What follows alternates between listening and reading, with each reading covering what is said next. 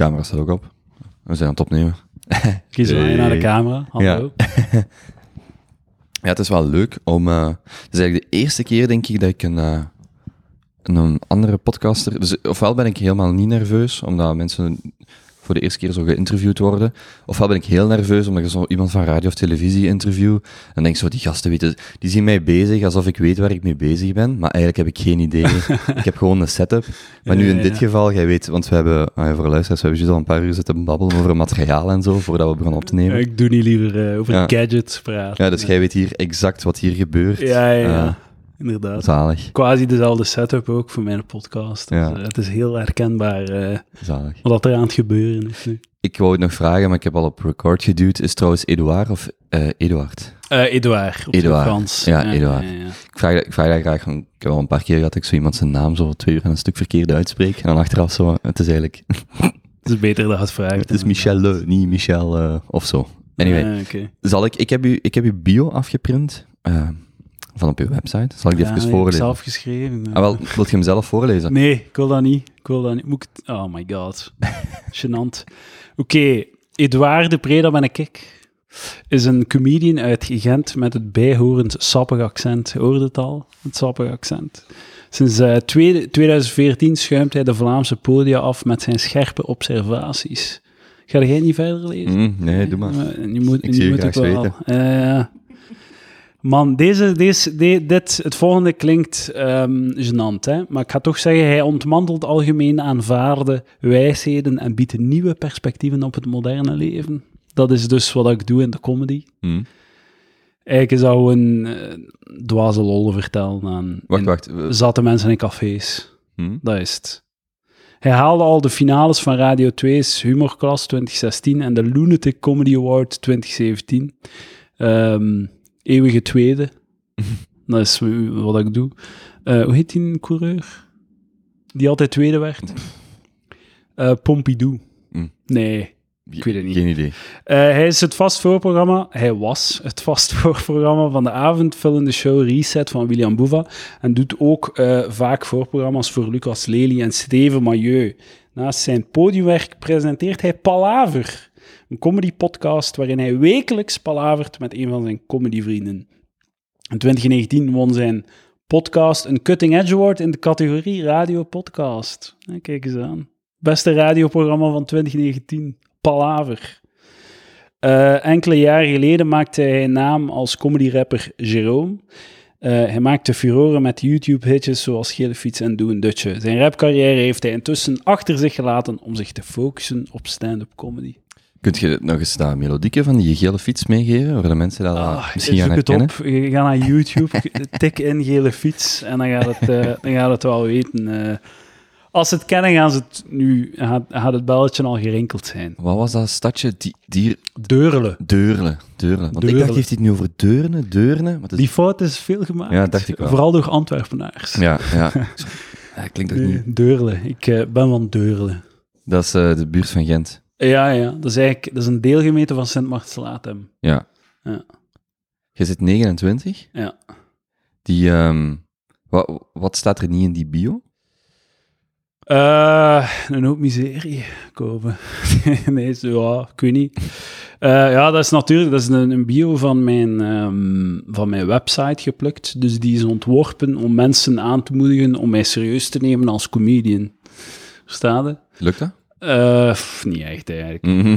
Dus eh, de- het idee is dat mensen op mijn website komen en denken van, ah, oh, mannetjes, die gast wil ik boeken voor mijn comedy night. Die weet waar hij mee bezig is. Ja, Eh, dat is niet vaak gebeurd. Mm. Ik heb vooral op zo de, de, op zo de, eh, het succes van anderen gesurfd als het over mijn comedy gaat. Dus like dat je ziet zoveel voorprogramma's en zo. Maar is dat, dat, dat is toch geen waardeoordeel? Eh, nee, nee, nee, nee, dat is waar, dat is waar. Ik wil zeggen, dat de, de, de eigen doorbraak blijft uit. Oké. Ja. En eh, hoe, hoe, hoe ziet je die doorbraak? Hoe Eh, komt die er? Pff, ik heb dat een beetje laten varen, eerlijk gezegd. Ik heb dat een beetje Dus, losgelaten. dus dat betekent dat je op dit moment niet aan een comedy, aan een voorstelling werkt, bijvoorbeeld? nee, nee ik, heb echt, ben een beetje in een sabbatjaar zelfs. Oké. Ik heb echt besloten van er een jaar echt afstand van te nemen en het zo weinig mogelijk te doen. En dat is dan 2020 of 2019. Ja, 2020. Ja. Dus ik, ik, heb, ehm, ik heb van 2014 tot vorig jaar, tot vorige zomer, dus deze zomer, heel veel opgetreden. Eh 10, 15 keer per maand. Eh, dat is in totaal, ik, zo, ik heb een lijstje daarvan, dat is zo like, Vijf, vijf jaar aan een stuk. Ja, dus dat is zo 560 optredens op vijf jaar tijd. En eh, dat is echt gaan, gaan. Dat was echt obsessie. Ondertussen zo halftijds werken om dan in bijberoep comedy te doen. En, en, en ja, totaal geen ehm, tijd of, of zo moeite steken in, in mijn beroepsleven of zo. Hmm. Alles op de comedy, comedy, comedy, comedy. En ehm, dat is vijf jaar gelukt. Dat was dan zo de helft van mijn inkomen of zo ook. En altijd de ambitie van daar te kunnen van leven. En dan ehm, ben, ik, ben ik er zo wat, heb ik er zo een degoe van gekregen. Eh, deze zomer en vorig jaar. Dat was traag gegroeid, vrij gefrustreerd geraakt en zo. Omdat je er niet van kon leven? Of Ja, en ook gewoon omdat ik, omdat ik, eh, ik weet niet, omdat ik vond dat het niet, eh, dat ik wat ik terugkreeg, niet was wat ik erin stak. Ehm, Financieel dan. financieel, Ook maar ook bekendheid. qua ja, erkenning en, en kansen en dit en dat. Hmm. Eh, en dan ziet je dan, en dan, ja, en dan zie je van wat dat er dan wel succes heeft en zo. En dan denk ik van, Is dan bijvoorbeeld, je ziet iemand opkomen en je denkt, amai, die doet op twee jaar, waar ik misschien al vijf jaar mee bezig ben. Ja, ja, Zo, en, zoiets en bijvoorbeeld. voorbij steken en zo. En Ja. dan dingen zien doen waarvan dat ik dan denk van, damn, ik zou dat nooit durven doen. Allee, ik zou dat nooit willen doen. Of Mm. ik kan dat niet doen, of ik, ik, ik... Dat is niet wat ik wil doen. En ik heb ook gewoon beseft dat wat ik doe, de comedy die ik doe, de niche is om echt een grote ster te worden in Vlaanderen. In welke niche zit je? Als je het zelf moet beschrijven. Baf, ja, zo wat iets, iets eh, donkerder, een beetje zo scherper, een beetje edgier. ehm, beetje, het is allemaal zo, mijn, mijn moppen zijn zo wat te ver gezocht eigenlijk. Mm. Daar komt het op neer. Dus eh, ik vind dat dan zelf heel goed, hè? een gigantisch ego. Maar ehm, het gaat niet gebeuren voor mij op ehm, mainstream gewijs, denk ik. Allee, weet ik. Omdat het niet Ja. toegankelijk genoeg is. Maar als je zegt, er is nog een verschil tussen eh, mainstream comedy en dan de comedians die je kent. Bijvoorbeeld, ik kan me voorstellen dat de grote comedians die van, allee, de grote, dus de Philip Geubels en dergelijke van vandaag, die ken ik eigenlijk veel meer van hun deelnames aan televisieprogramma's en dat soort, dan van een comedy zelf. Nee. Is dat dan, is dat ook, iets- speelt dat er ook in mee? Want echt van uw comedy zelf leven, dat zijn er toch vrij weinig, neem ik aan, in Ja, Vlaanderen. meer, of valt meer dat wel dan mee? je zou denken. Maar je moet, het probleem is dat je tegenwoordig moet is stap 1 om van te leven van comedy tegenwoordig, is tv-ster worden. Hmm. En dat zit er voor mij al zeker niet in. Omdat ik, ja, ik ben daar niet voor gemaakt, denk ik. Hoezo? Eh, gewoon omdat ik, de- de- omdat ik niet... Je moet, ik denk dat je een gimmick nodig hebt of zo. Je moet zo heel ehm, eh, licht verteerbaar zijn of zoiets. En ik, ik, ik vind geen manier om dat te doen. Dat komt ook, ik ben geen volksmens. Ik ben geen... Een, ik, ik, ehm, ja, ik weet niet. Ik- dat, dat probleem heb ik ook als ik zo moet eh, een comedyavond presenteren. MC noemde dat. Dat is zo de, de mensen, zo de comedians aankondigen en zo het publiek opwarmen en zo. Ik ben er heel slecht in, omdat ik het niet echt... Ik ben geen volksmens. Hmm. Ik ben zo wat meer, ik wil mijn moppen doen en te nemen of te laten of zoiets. Ja, Ja. Ja. Dus heb ik daar eh, ja, wat afstand van genomen, omdat ik, omdat ik zo... Ik wil, wat, ik wil er afstand van nemen en dan als ik dan na een jaar terug weer wat meer comedy begin te doen, eh, de vraag is dan, ga ik het dan weer graag doen? En als dat zo is, ja, dan top, leuk. Kan ik er weer eh, voor even tegen. Hm. Als dat niet zo is, ja, dan, dan heb ik... Allee, als je een jaar iets niet doet, je doet het weer en het steekt nog altijd tegen, ja. Ja, ik deed dat ook gewoon echt niet graag meer. Ja. Het was echt... eh het, allee, het was tegen mijn hoesting, echt. Was de, was de focus dan voor dit jaar? Eh, ik heb, ehm like dat ik zei, ik, ik stak niets van tijd in mijn beroepsleven. Dat was echt gewoon halftijds jobs doen om jobs te doen, om een beetje geld te verdienen, om te kunnen in bijberoep blijven. Want je moet dan 19 uur werken Mm. om in bijberoep en al die zeer.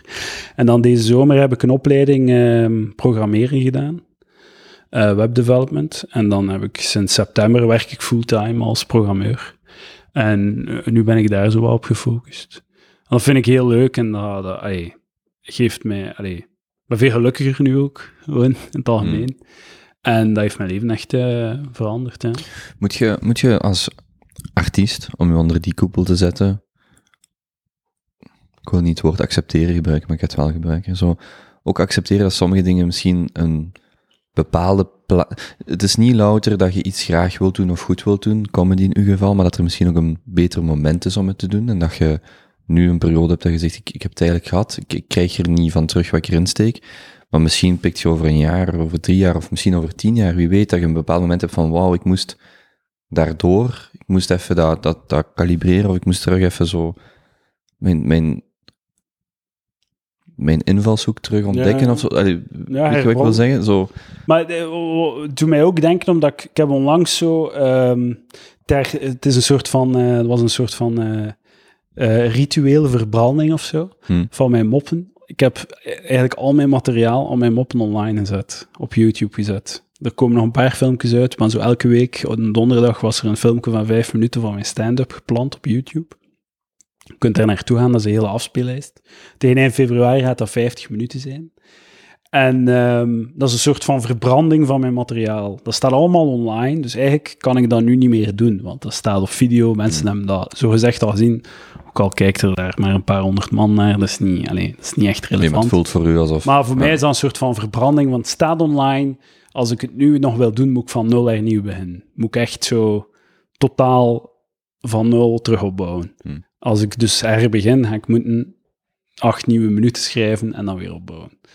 En eh, door, door daarnaar te kijken, eh, door daarnaar te kijken, naar dat materiaal, begrijp, ik ook meer waarom dat ik niet zo toegankelijk ben. Omdat ik vrij, ik heb zo, kom vrij gemeen over. Hmm. En ik denk, als ik, als ik het weer wil doen, ga ik daar aan moeten werken. Dat ik zo niet zo, want het is vrij hard en het is vrij, ik weet niet, gemeen of zoiets, heb ik het gevoel. Ja, als ik dan bijvoorbeeld denk naar de foto's die op je website staan, ze hebben wel een bepaalde karakteristiek, een bepaalde uitstraling. Ja, ja, ja. Zo'n bepaal- je, je hebt een bepaald ja, persona, of wat is het? Ik kan me wel voorstellen dat je zegt, ik weet nog niet of dat... Of, of zou je dan zo zeggen, ik weet nog niet of datgene is waar mij gaat brengen waar ik wil komen. Als ik het zo, als ik het zo blijf doen, is dat zoiets? Ja, ja, ja, ja. Het is zo... Ik heb echt vijf jaar echt zo constant op zoek geweest naar hoe kan ik zo die klik met het publiek hebben die ik nodig heb. En ik, heb, ik had, heel die vijf jaar had ik altijd van, ja, er ontbreekt iets, er ontbreekt iets, er ontbreekt Hmm. iets.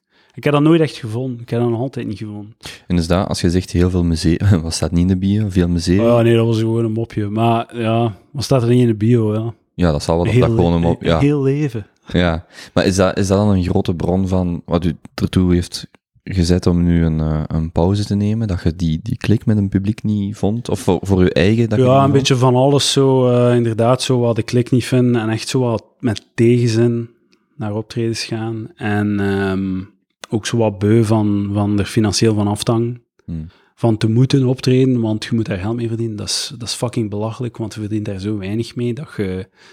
Als, als het daar dan nog van afhangt, ja, dan is dat echt dwaas. En het is ook niet, like, allee, ik heb een diploma en zo. Het is niet dat ik geen opties heb of zo. Het is gewoon wat ik echt wou doen die jaren. En maar ik ben blij dat ik dat heb kunnen doen. Maar ehm, ja, het was echt wel zo tijd om een keer, eh, ook op dat vlak, zo een keer te kijken van, ja, allee, ga ik nu zo heel mijn leven zitten zo wat shitty jobs doen waar ik zot van word. En dan ondertussen mij dan, mijn, dan nog een keer mij, allee, zot bijten op iets dat niet lo- verloopt op de manier dat ik wil dat verloopt. Mhm. Wat, wat zit je van opleiding? Eh, taal en letterkunde. Heb Ja. Nederlands-Engels eh, gestudeerd. En nu programmeur. En nu programmeur. Ja, Ja. ja. En daar heb je wel zo dingen gevonden. Ja, dus, dat is echt veel meer mijn ding dan taal en letterkunde. Dat is echt raar, hè? Maar dat is... eh, ja, dat klikt volledig met mijn hoofd. Dat is wat ik al lang aan doen. En wa- wat doe je dan precies? Eh, ja, webdevelopment. Dus eigenlijk ehm, een hele website. eh, we zijn een hele website aan het opnieuw bouwen eigenlijk, van nul. Dus een... eh, ja, pff, ja, dat is programmeren van... Dat is dan, ze noemen dat dan full stack web development. Dat is zo van de database naar hoe, hoe dat er van zo op de website uitziet. Zo alle stappen daartussen. Ik, ja... Programmeer code schrijven eigenlijk, ja. Heel aan code schrijven. Puzzel, voor, ik, voor mij is dat puzzeltjes oplossen. Ja, ja. Dat is puzzels oplossen. Ja, dat is ook creatief werk, hè. Eh, Ja, trouwens zou ik niet echt zeggen, maar het is, het is ik weet niet of dat echt creatief is, maar zo, eh, het is wel, like dat ik zeg, het is, het is een puzzel. Het is elke keer, het is een puzzel die je moet oplossen. Mm. En dat valt dan op zijn plaats. En eh, dat vind ik heel leuk. Die, dus je bent van, van, van 90, je bent aan taal en letterkunde gaan studeren, en dan heb je eigenlijk u vijf jaar lang op de, op de comedy Ja, eh, ja, carrière gefocust. Was dan die, ik denk dat dat het allereerste is wat ik ooit van u heb gezien, was dat filmpje met die groene achtergrond. Ah, Dat was is de- echt? Dat was de humor, de Radio 2. Ja, ja, inderdaad. Dan was dat zo'n moment dat je wel binnen uw comedy eh, bij meer mensen terecht kwam? Ja, dat was dus eigenlijk, eh we begonnen eind 2014 en dan tegen een jaar en een half later of zo was dan die wedstrijd. En ehm, ehm, dus ik mocht, toen kon ik al heel veel spelen eigenlijk. Ik mocht al mee met Steven Mailleu en Lucas Lely en ik kon al veel spelen. En die, die, die wedstrijd heeft heel veel voor, voor mij gedaan. Omdat eh, bijvoorbeeld in de halve finale was dan een van de jury was William Boeva. En die heeft mij daar zien spelen. En ik had die, dat was in de Joker. En dat was echt zo. Tot dan toe was dat mijn beste optreden dat ik al had gedaan. Dat was echt zo. Eh, Dat klopte bijna niet. Hoe, hoe, hoe hard dat, dat, hoe goed dat, dat ging. En dus dat was super chance dat het Wacht, je komt dan van het podium af en je denkt, wow, wat Ja, is hier ja, gebeurd? maar- Of ook al te- als je terwijl je bezig bent. Ja, ja, van what the fuck, man. Gaat... Allee, Ja. maar omdat... Dat is grappig, want je, je, je, normaal gezien gebeurt dat niet tijdens de wedstrijd. Mm, mm. Tijdens de wedstrijd gaat het sava. Maar toevallig viel dat toen, die wedstrijd, dan samen met een avond dat voor mij echt gewoon super hard ging. En hij was jury. En ehm, eh, zijn management organiseerde die wedstrijd ook. En ik zat dan in de finale. En dan daarna, na die wedstrijd, eh, een paar weken later, kreeg ik een mail van wilde het voorprogramma doen van William Boeva. Dus dan eigenlijk twee jaar op tournee met William. Dus dat was voor mij ook... eh, Ja, wat, wat gaat er dan door je heen als je die mail krijgt? Ah, zalig, hè. Dat is zalig. Dat is heel leuk. Ja, dat was wel eh, echt van, ja, een, een, een grote stap toen. eh. Heb je in het voorprogramma dan ook altijd je eigen programma wat je brengt, of je eigen optreden? Want dat is dan een half... geen idee. Ah, maar ja, dus dat is een beetje anders, want je hebt dus eh, de show van William was toen, ja, dat was eigenlijk al een uur en veertig, wat eigenlijk al heel veel, Ja, dat is eigenlijk altijd geen voorprogramma nodig. hoe, hoe lang moet hij schrijven om een uur en veertig gaan komen? maar bij hem gaat dat wel snel. Ja? Ik denk dat hij dat op zes maanden had geschreven of zo. Ja, Oké. Ja, dat, maar, ja, bij mij gaat dat veel trager. Als ik tien minuten op een jaar schrijf, dan komt dat... ja, een uur eh, veertig gaan Ja, komen. ik zei het, ik heb er 50 minuten... Ik ga nu 50 minuten online zetten, dat is vijf, daar is vijf jaar aan gewerkt. Ja. En ik heb misschien nog 5 à 10 minuten die er niet bij zitten. Dus Hmm. voor mij is dat dan 10 minuten per jaar. En ja, hoe zag, u, hoe zag dat voorprogramma van u er dan uit? Ah, Maar ja, dus, dus je hebt dan de show van... En ik doe dan eerst 20 minuten. Ehm, en dan is het aan hem. En bij, als je zo'n zaalshow doet, like dat William dat doet twee jaar, dan is dat twee jaar aan een stuk 95% hetzelfde. Dat is die show die je doet. Die je verkocht hebt aan de cc's en je doet hem elke avond. En daar zitten misschien wat veranderingen in, omdat je hier en daar een mop in kunt zingen, maar dat is hetzelfde. Twee jaar aan een stuk. Maar als je een voorprogramma doet, maakt dat eigenlijk niet uit. Want je, bent niet, je wordt zelfs niet, wordt niet aangekondigd, je zit niet... eh, je zit meestal zelfs niet zo in het pakket dat je die, die ze verkopen aan cc's of zo. Dus je bent echt gewoon, je bent een voorprogramma. Dus je kunt doen wat je wilt eigenlijk. Doe, je doet volledig wat je wilt. Dus bij mij was dat 20 minuten. En dat is zo, als je van de een naar de ander keek, was dat ongeveer, dat is altijd zo 98% hetzelfde. Maar op die twee jaar is dat wel volledig geëvolueerd. Eh, op die twee jaar schiet er misschien maar 20, want de laatste show schiet er misschien 30% over van wat ik de eerste show deed. Dus dat evolueert die aan tijd. Word je ook een betere eh, comedian door die twee jaar heen? Ja, dat je ja. constant die 10, 15 keer per, eh, per maand... Je je kunt wel constant aan het werken. Ja. En mensen hebben misschien niet zo hoge verwachtingen van u, want ze weten zelfs misschien niet dat je... Ah, wel, dat, is zo, dat, is, dat is moeilijk, want ze, zijn, eh, ze willen... Allee, ze zijn niet aangekondigd. Dus mensen weten zelfs niet dat je, eh, dat je komt spelen. Dat je moet optreden. Dus op het moment dat mensen weten... Mensen zitten in de zaal... Oh, kom, we gaan naar William Boeva kijken. We gaan naar William... Ah, dat gaat zalig zijn. William Boeva. Heerlijk. En de lichten gaan uit, de muziek begint. Ze horen de stem van William. En ja, de show gaat beginnen. En dan kondigt William mij aan.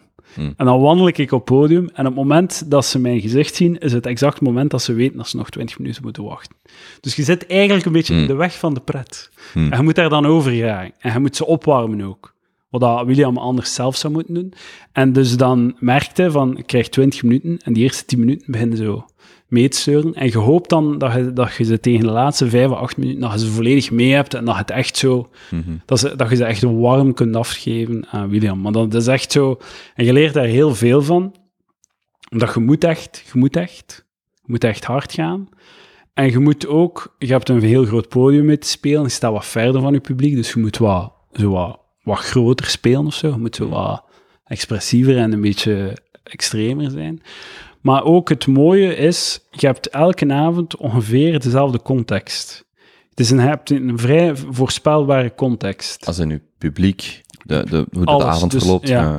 Eh, het publiek, het podium, het decor, de belichting, alles is heel consistent. Dus als je dat drie keer op een week hebt, heb je eigenlijk drie keer een vrij ehm, gelijke testomgeving. Dus als je dan een mop drie keer vertelt en hij valt drie keer niet, Hmm. dan weet je eigenlijk, oké, deze mop Ja. ga ik moeten aanpassen. Dus je kunt heel, je, kunt, je hebt een soort van eh, wetenschappelijk experimentomgeving waar dat je heel consistent dingen kunt testen. Terwijl dat daarvoor was dat zo. Komt een keer in een café, in een open mic, waar dat er vijf man zit. Je komt dan een keer in een café waar dat er veertig man zit en dat is, die willen gewoon met alles lachen. En dan ga je naar een jeugdhuis waar dat...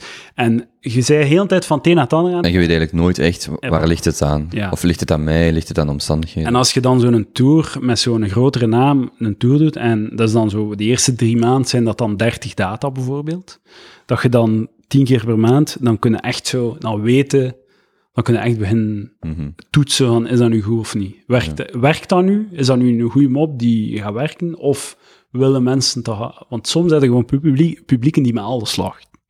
Die gezegd iets en ze liggen dicht. Soms ook het omgekeerde? Ja, ja dat ook. Ja, oké. Dat ook. Dat, soms denk ik ook van, oké, als je deze niet grappig vindt, ja, dan kan ik Ja. je niet helpen. Ja, ja. Dan, ja, dan, dan ligt het niet meer aan mij, sorry. ja. Die... Dus je doet... wa- Nee, ik wou eerst nog vragen, dus financieel kun je wel niet... Het zal zelfs al een, een, een eigen show zal moeilijk zijn, maar laat staan een voorprogramma om daarvan van Nee, te nee, leven is, niet, niet. is niet de moeite. Nee, dat is, niet Ja. de moeite. dat is een, je moet dat doen omdat je dat wilt doen en omdat je daar wilt van leren, maar dat is niet... eh maar je kunt daar niet van... eh, Mhm. Je moet ofwel, eh, ofwel moet je doorbreken en headliner zijn en zelf op tournee gaan, of, eh, ofwel moet het een hobby zijn. Mhm. Maar als je zelf op tournee gaat, zelfs dan is het ook moeilijk om daar financieel van te leven. Maar het ding is, voor mij, het idee is dat je pas op tournee gaat als het de moeite is. En dan is het echt wel de moeite. Je bedoelt inhoud- inhoudelijk. Financieel, hè? Financieel, financieel. Dus, allee, op tournee gaan, ja, als ik, ik, ik zou kunnen een show van een uur schrijven, of zo mijn 50 minuten en daar nog 20 minuten bij schrijven, dan heb ik een show van een uur en tien en nog een voorprogramma, maar niemand, niemand gaat dat boeken. Ik ga dat in drie cafés schrijven, ik ga dat in drie cafés doen, en voilà, het is klaar, en dan moet ik nog een show schrijven of zo. Dan moet ik opnieuw beginnen. Mm. Dus dat is, je doet dat pas, je gaat pas op tournee met je show, Als je x aantal... als er vraag naar is. ja, ja. En dan, dan, is dat, dan is dat zeker de moeite. Mm. Maar eh, ja. Ja, ik weet niet. Ja. Maar ja, je wint dan die humorklas en dan ook die... Ah, ik heb dat niet gewonnen. Ben daar Eh, sorry, ja. gewonnen. ja. Hij, haalde de, hij haalde al de finales van de Radio ja, 2. ja, ja. Ja, ja, anders zou, het zou anders verwoord zijn. Zo. Maar je, je hebt dan die, die bekendheid dat meekomt, of die, eh, de kans om je gezicht te tonen aan, aan die humorklas en dan ook die Comedy Award in eh, 2017, die Lunatic. Was dat dan niet voldoende springplank om Ja, ik totaal niet. Eh, omdat moet al winnen tegen dat dat iets van effect heeft. En ook al die comedyprijzen, dat is allemaal ons kent ons. Hè. Dus Hmm. het feit dat, dat ik in de finale van de humorklas en de eh, humorklas heb gezeten, heeft mij bekend gemaakt tussen eh, aanhalingstekens in de sector. Ja, ja. Dus dat heeft mij voorprogramma's opgeleverd. Dat, dat is het gewoon. Dus bijvoorbeeld Chili heeft mij gezien in de kwartfinale en heb ik een paar voorprogramma's van hem kunnen doen. Eh Boeva heeft mij gezien in de halve finale, heb ik voorprogramma's van hem kunnen doen. Dus dat, dat is de functie van die wedstrijden. Je wordt manage, eh, die zo bepaalde managements en zo, boekingskantoren zitten in de zaal of, of weten daarvan. En zo op die manier kun je in de sector, maar het is niet dat je bekendheid of zo. eh, En het is dat wat je daar- daarnet zei, daarvoor moet je eigenlijk al bijna televisiester zijn. Eh, ja, ofwel worden de, zij de tv-ster en dan kun je doen wat je wilt, ofwel win, je wint Humo's Comedy Cup. Mhm. Finale is irrelevant. Je moet hem winnen. Ja. Je wint Humo's Miss Belgium. Je moet het winnen. Ja. Je moet het winnen. En eh, ja, voor de rest, ja, je moet gewoon Humo's Comedy Cup winnen, dat is het. Hoe, hoe moeilijk is het om dat te winnen? Dat is één keer om de twee jaar. Dus van alle openmakers en comedians die dat willen winnen, van die, en er zijn elke keer honderd man die zich inschrijft. Hmm. Dus om de twee jaar heb je, eh, ja, cru gezegd, 1 op 100 kans om dat te winnen. Mhm. Maar is dat iets waar je aan deelneemt en eigenlijk weet... Nee, dit... Oh ja, Is- maar is het ik, ik ga ervan uit dat ik dat nooit ga winnen. Nee, maar is het verschil tussen top... Ik weet zelfs niet top 1 of top 3 en dan de rest, is dat echt dan ook een gigantisch verschil? Is, Of, of, ligt dat, of liggen die 100 dan toch nog vrij dicht bij elkaar? Of is dat echt... Nee, er zit echt een kwalitatief verschil tussen de... De, Ja, de, wel, de, de Federer van de wereld is echt een pak beter dan de tiende. Maar, of, of hoe moet ik dat zeggen? Of de top 10 ligt heel dicht bij elkaar, maar dan alles wat daarachter komt ligt echt ver van... Hoe, hoe moet ik dat zo inschatten? Ehm, je hebt elke twee jaar heb je zo'n top 20, waaruit de halve finale gaat sowieso gaat bestaan. Het gaat misschien één een, naam bij zitten, dat je denkt van, hè, waar komt die? Hmm. Maar je kunt... Alleen, het is heel moeilijk om verrast te zijn door de namen die in die wedstrijd Hmm. komen. En de winnaar is eigenlijk altijd heel voorspelbaar. Like het feit dat like Amelie Albrecht heeft gewonnen. Ik heb zes maand daarvoor op mijn podcast gezegd, Amelie Albrecht gaat Humo's Comedy Cup Hmm. winnen. Jens Donker, dat was een binnentikkertje. Iedereen ging daar gewoon van uit. Dat was geweten, een jaar op voorhand. Ah ja, maar Jens is de volgende. Jens gaat dat winnen. Hmm. Van Lucas was dan nog... ehm, was dat minder. Me- mensen dachten wel dat Kamal ging winnen. Maar ja, Kamal... Ja, die is, die, is, die is effectief is een van de weinige finalisten die er echt effectief iets van gemaakt Mm, heeft. mhm. En nu zal het, eh, ik zeg het nu, je krijgt een primeur. De volgende winnaar van Humo's Comedy Cup is Hans Kools. Hans Kools. Hans Kools, misschien moet hij hem interviewen voordat hij het wint. Hmm. Want hij gaat winnen, Hans Kools. Wanneer is de Comedy Cup? Eh, in oktober, denk ik, in november, december. Ja, Ja, dit ja. jaar. Dus eind dit jaar, Hans Kools. Hans Kools. Hij gaat het winnen. Dat zeg ik ook al een jaar of, Eduard heeft het getipt. of zes maanden of zo. Dat zeg ik ook al keilang. Ja. Ja. Hm. Hoe kijkt je daar dan naar? Is dat toch een beetje... Is dat, is dat met een... oh, ik weet zelfs niet wat de juiste metafoor is. Is dat nog met een warm hart of met een gebroken hart? Als je zelf zo zegt van, ah, ik heb het eigenlijk wat gehad. Hoe was uw afstand tot dat gegeven comedy en bijvoorbeeld ook de, die Comedy Cup? Ehm, het ding is gewoon dat ehm, ik ben echt blij nu. Ik Ben echt, het is zo, het is, het is heel ongeloofwaardig dat ik, dat dat ik dat nu zeg, maar ik ben veel gelukkiger nu. Hm? Dat ik nu dat ik er afstand van heb genomen. Ja, veel minder stress neem ik aan. Zo veel dat van ja, ja. schouders En valt. ik doe nu effectief dat programmeren, dat gaat me echt goed af en zo. En ik doe het graag. En ik dacht nooit dat ik zo zou kunnen functioneren in een soort van 9-to-5 job. Hmm. Maar dat lukt perfect. Ik vind allee, ik vind het echt heel leuk. Ik ben een stuk geluk, gelukkiger. Eh, dus ik ben, ik ben echt wel content hoe dat gelopen is nu. Want eh, je kunt me even hoe- waarschijnlijk zo had ik dat even goed kunnen dat ik nog altijd zo hard aan het proberen was als een jaar geleden. Maar gewoon omdat, de, het was ook een beetje de noodzaak, omdat ik minder optredens kreeg en zo. Dat, ook, dat ik ook een beetje genoodzaakt was om te kijken van, oké, wat moet ik nu doen? Maar ik ben heel blij dat dat gebeurd is. Mhm. Want nu ben ik, sta ik er ook, ehm, ben ik er ook veel eh, minder... ehm, ik denk ook dat ik, mocht, er nu, mocht ik nu effectief eh, meer succes hebben, zou ik dat ook heel anders benaderen. Ik zou veel kritischer zijn en ik zou veel meer... Ik zou niet stoppen met programmeren of zo, of ik zou Mhm. niet... Ik, zou dat, ik, zou, ik, zou, ik ben er veel nuchterder bij in. en, Maar wacht, ik schrijf, ik schrijf altijd een bio van elke gast van twee zinnen. Wat moet ik dan schrijven? Eduard de Pre is fullstack programmeur en comedian. Nee, nee, nee, nee. Eduard de Prees, fullstack programmeur, podcaster Podcaster. en dan comedian. En dan comedian. Ja, ja. Oké. Want nu, eh, ik heb altijd een creatieve outlet nodig gehad in mijn Ja. leven. En nu steek ik dat in mijn podcast. Ik zie mij, mijzelf nu echt meer als podcaster en ten tweede comedian. Ja, ik wou, daar, ik wou daarop inpikken. Ehm, de... Dat maakt mij wel gelukkig. Dat vind ik wel veel leuker. Die je podcast maakt? Ja, omdat er niemand u een groen licht moet geven. Niemand, Mm. niemand staat in de weg. Je neemt het ding op, je zet het online en voilà. Vertel eens over die Cutting Edge Award.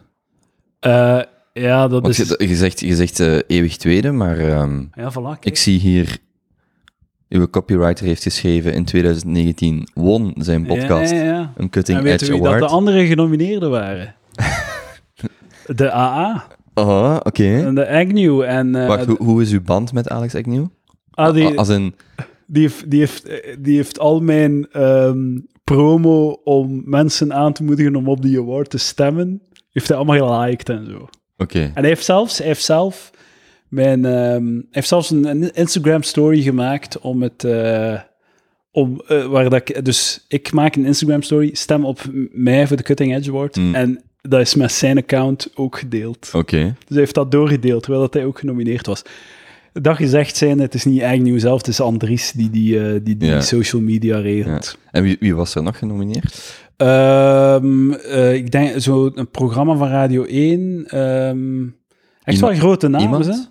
Nee, Ja. ehm, eh, maar het, wa- het was radio ook, hè?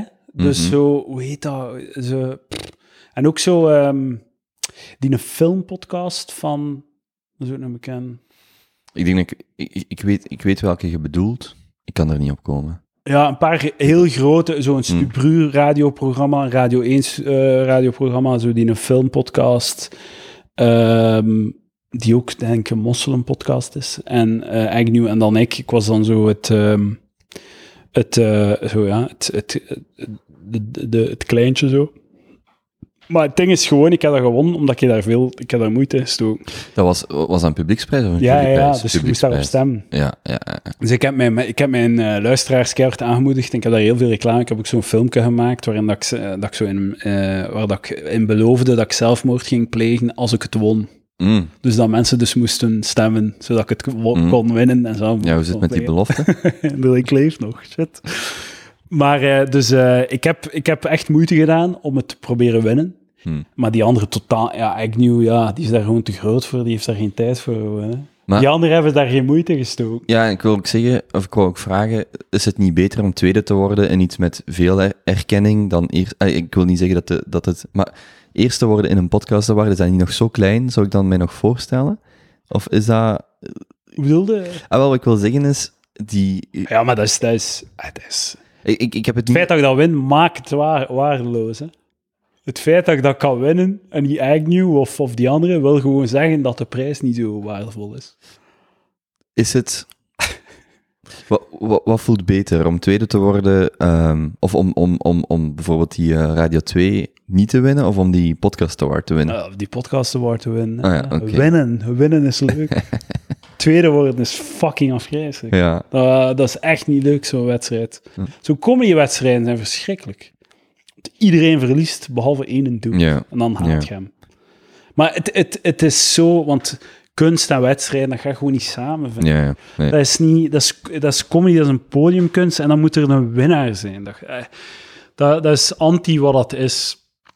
Dus zo die, die, die avonden zijn echt niet leuk, want je gaat stress en je moet daar, je zit daar de hele tijd mee bezig en er hangt dan zoveel van af en al.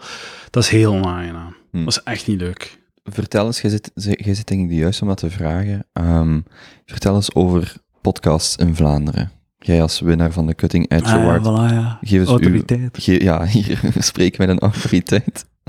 Heb jij ook, ik ben even aan het denken, want die, die een, ehm, hoe heet hem weer van Mosselen, Ehm, Xander. Met zijn 200 of 300 afleveringen, Ja, of wat is het? 300. Niet een zot. Maar ik vind het wel cool om hoe langer hoe meer te, te, te eh, merken dat er podcasts zijn die echt wel al een hele catalogus van afleveringen hebben. Niet gewoon zo ergens 10 of 20 of Ja, ja. eens een keer, keer of vijf geprobeerd, maar echt zo, ja, 100 afleveringen. Zelfs, maar zelfs van 50, dat je merkt, er is, het, er is serieus Ja, wat tijd in Maar gekropen. dat is ook... Ik vind dat wel cool zo. Ja? 92% van alle podcasts heeft twee afleveringen. Hmm. En dan 8%, 7% heeft er 10. Dan heb je 1% die langer dan 10 afleveringen Wacht, blijven verzint je dit of is het effectief? Ik ga ervan uit. gaat Verzin- ervan uit, ja. Maar ja. als je podcast aflevering 11 behaalt, dan zijn de, dan zijn de Ja, 1%, top 1%. van followers. Gewoon. Ja, ja, ja. Ja. En hoe, hoe kijk jij, want je, kunnen ook het over uw, over Patreon hebben.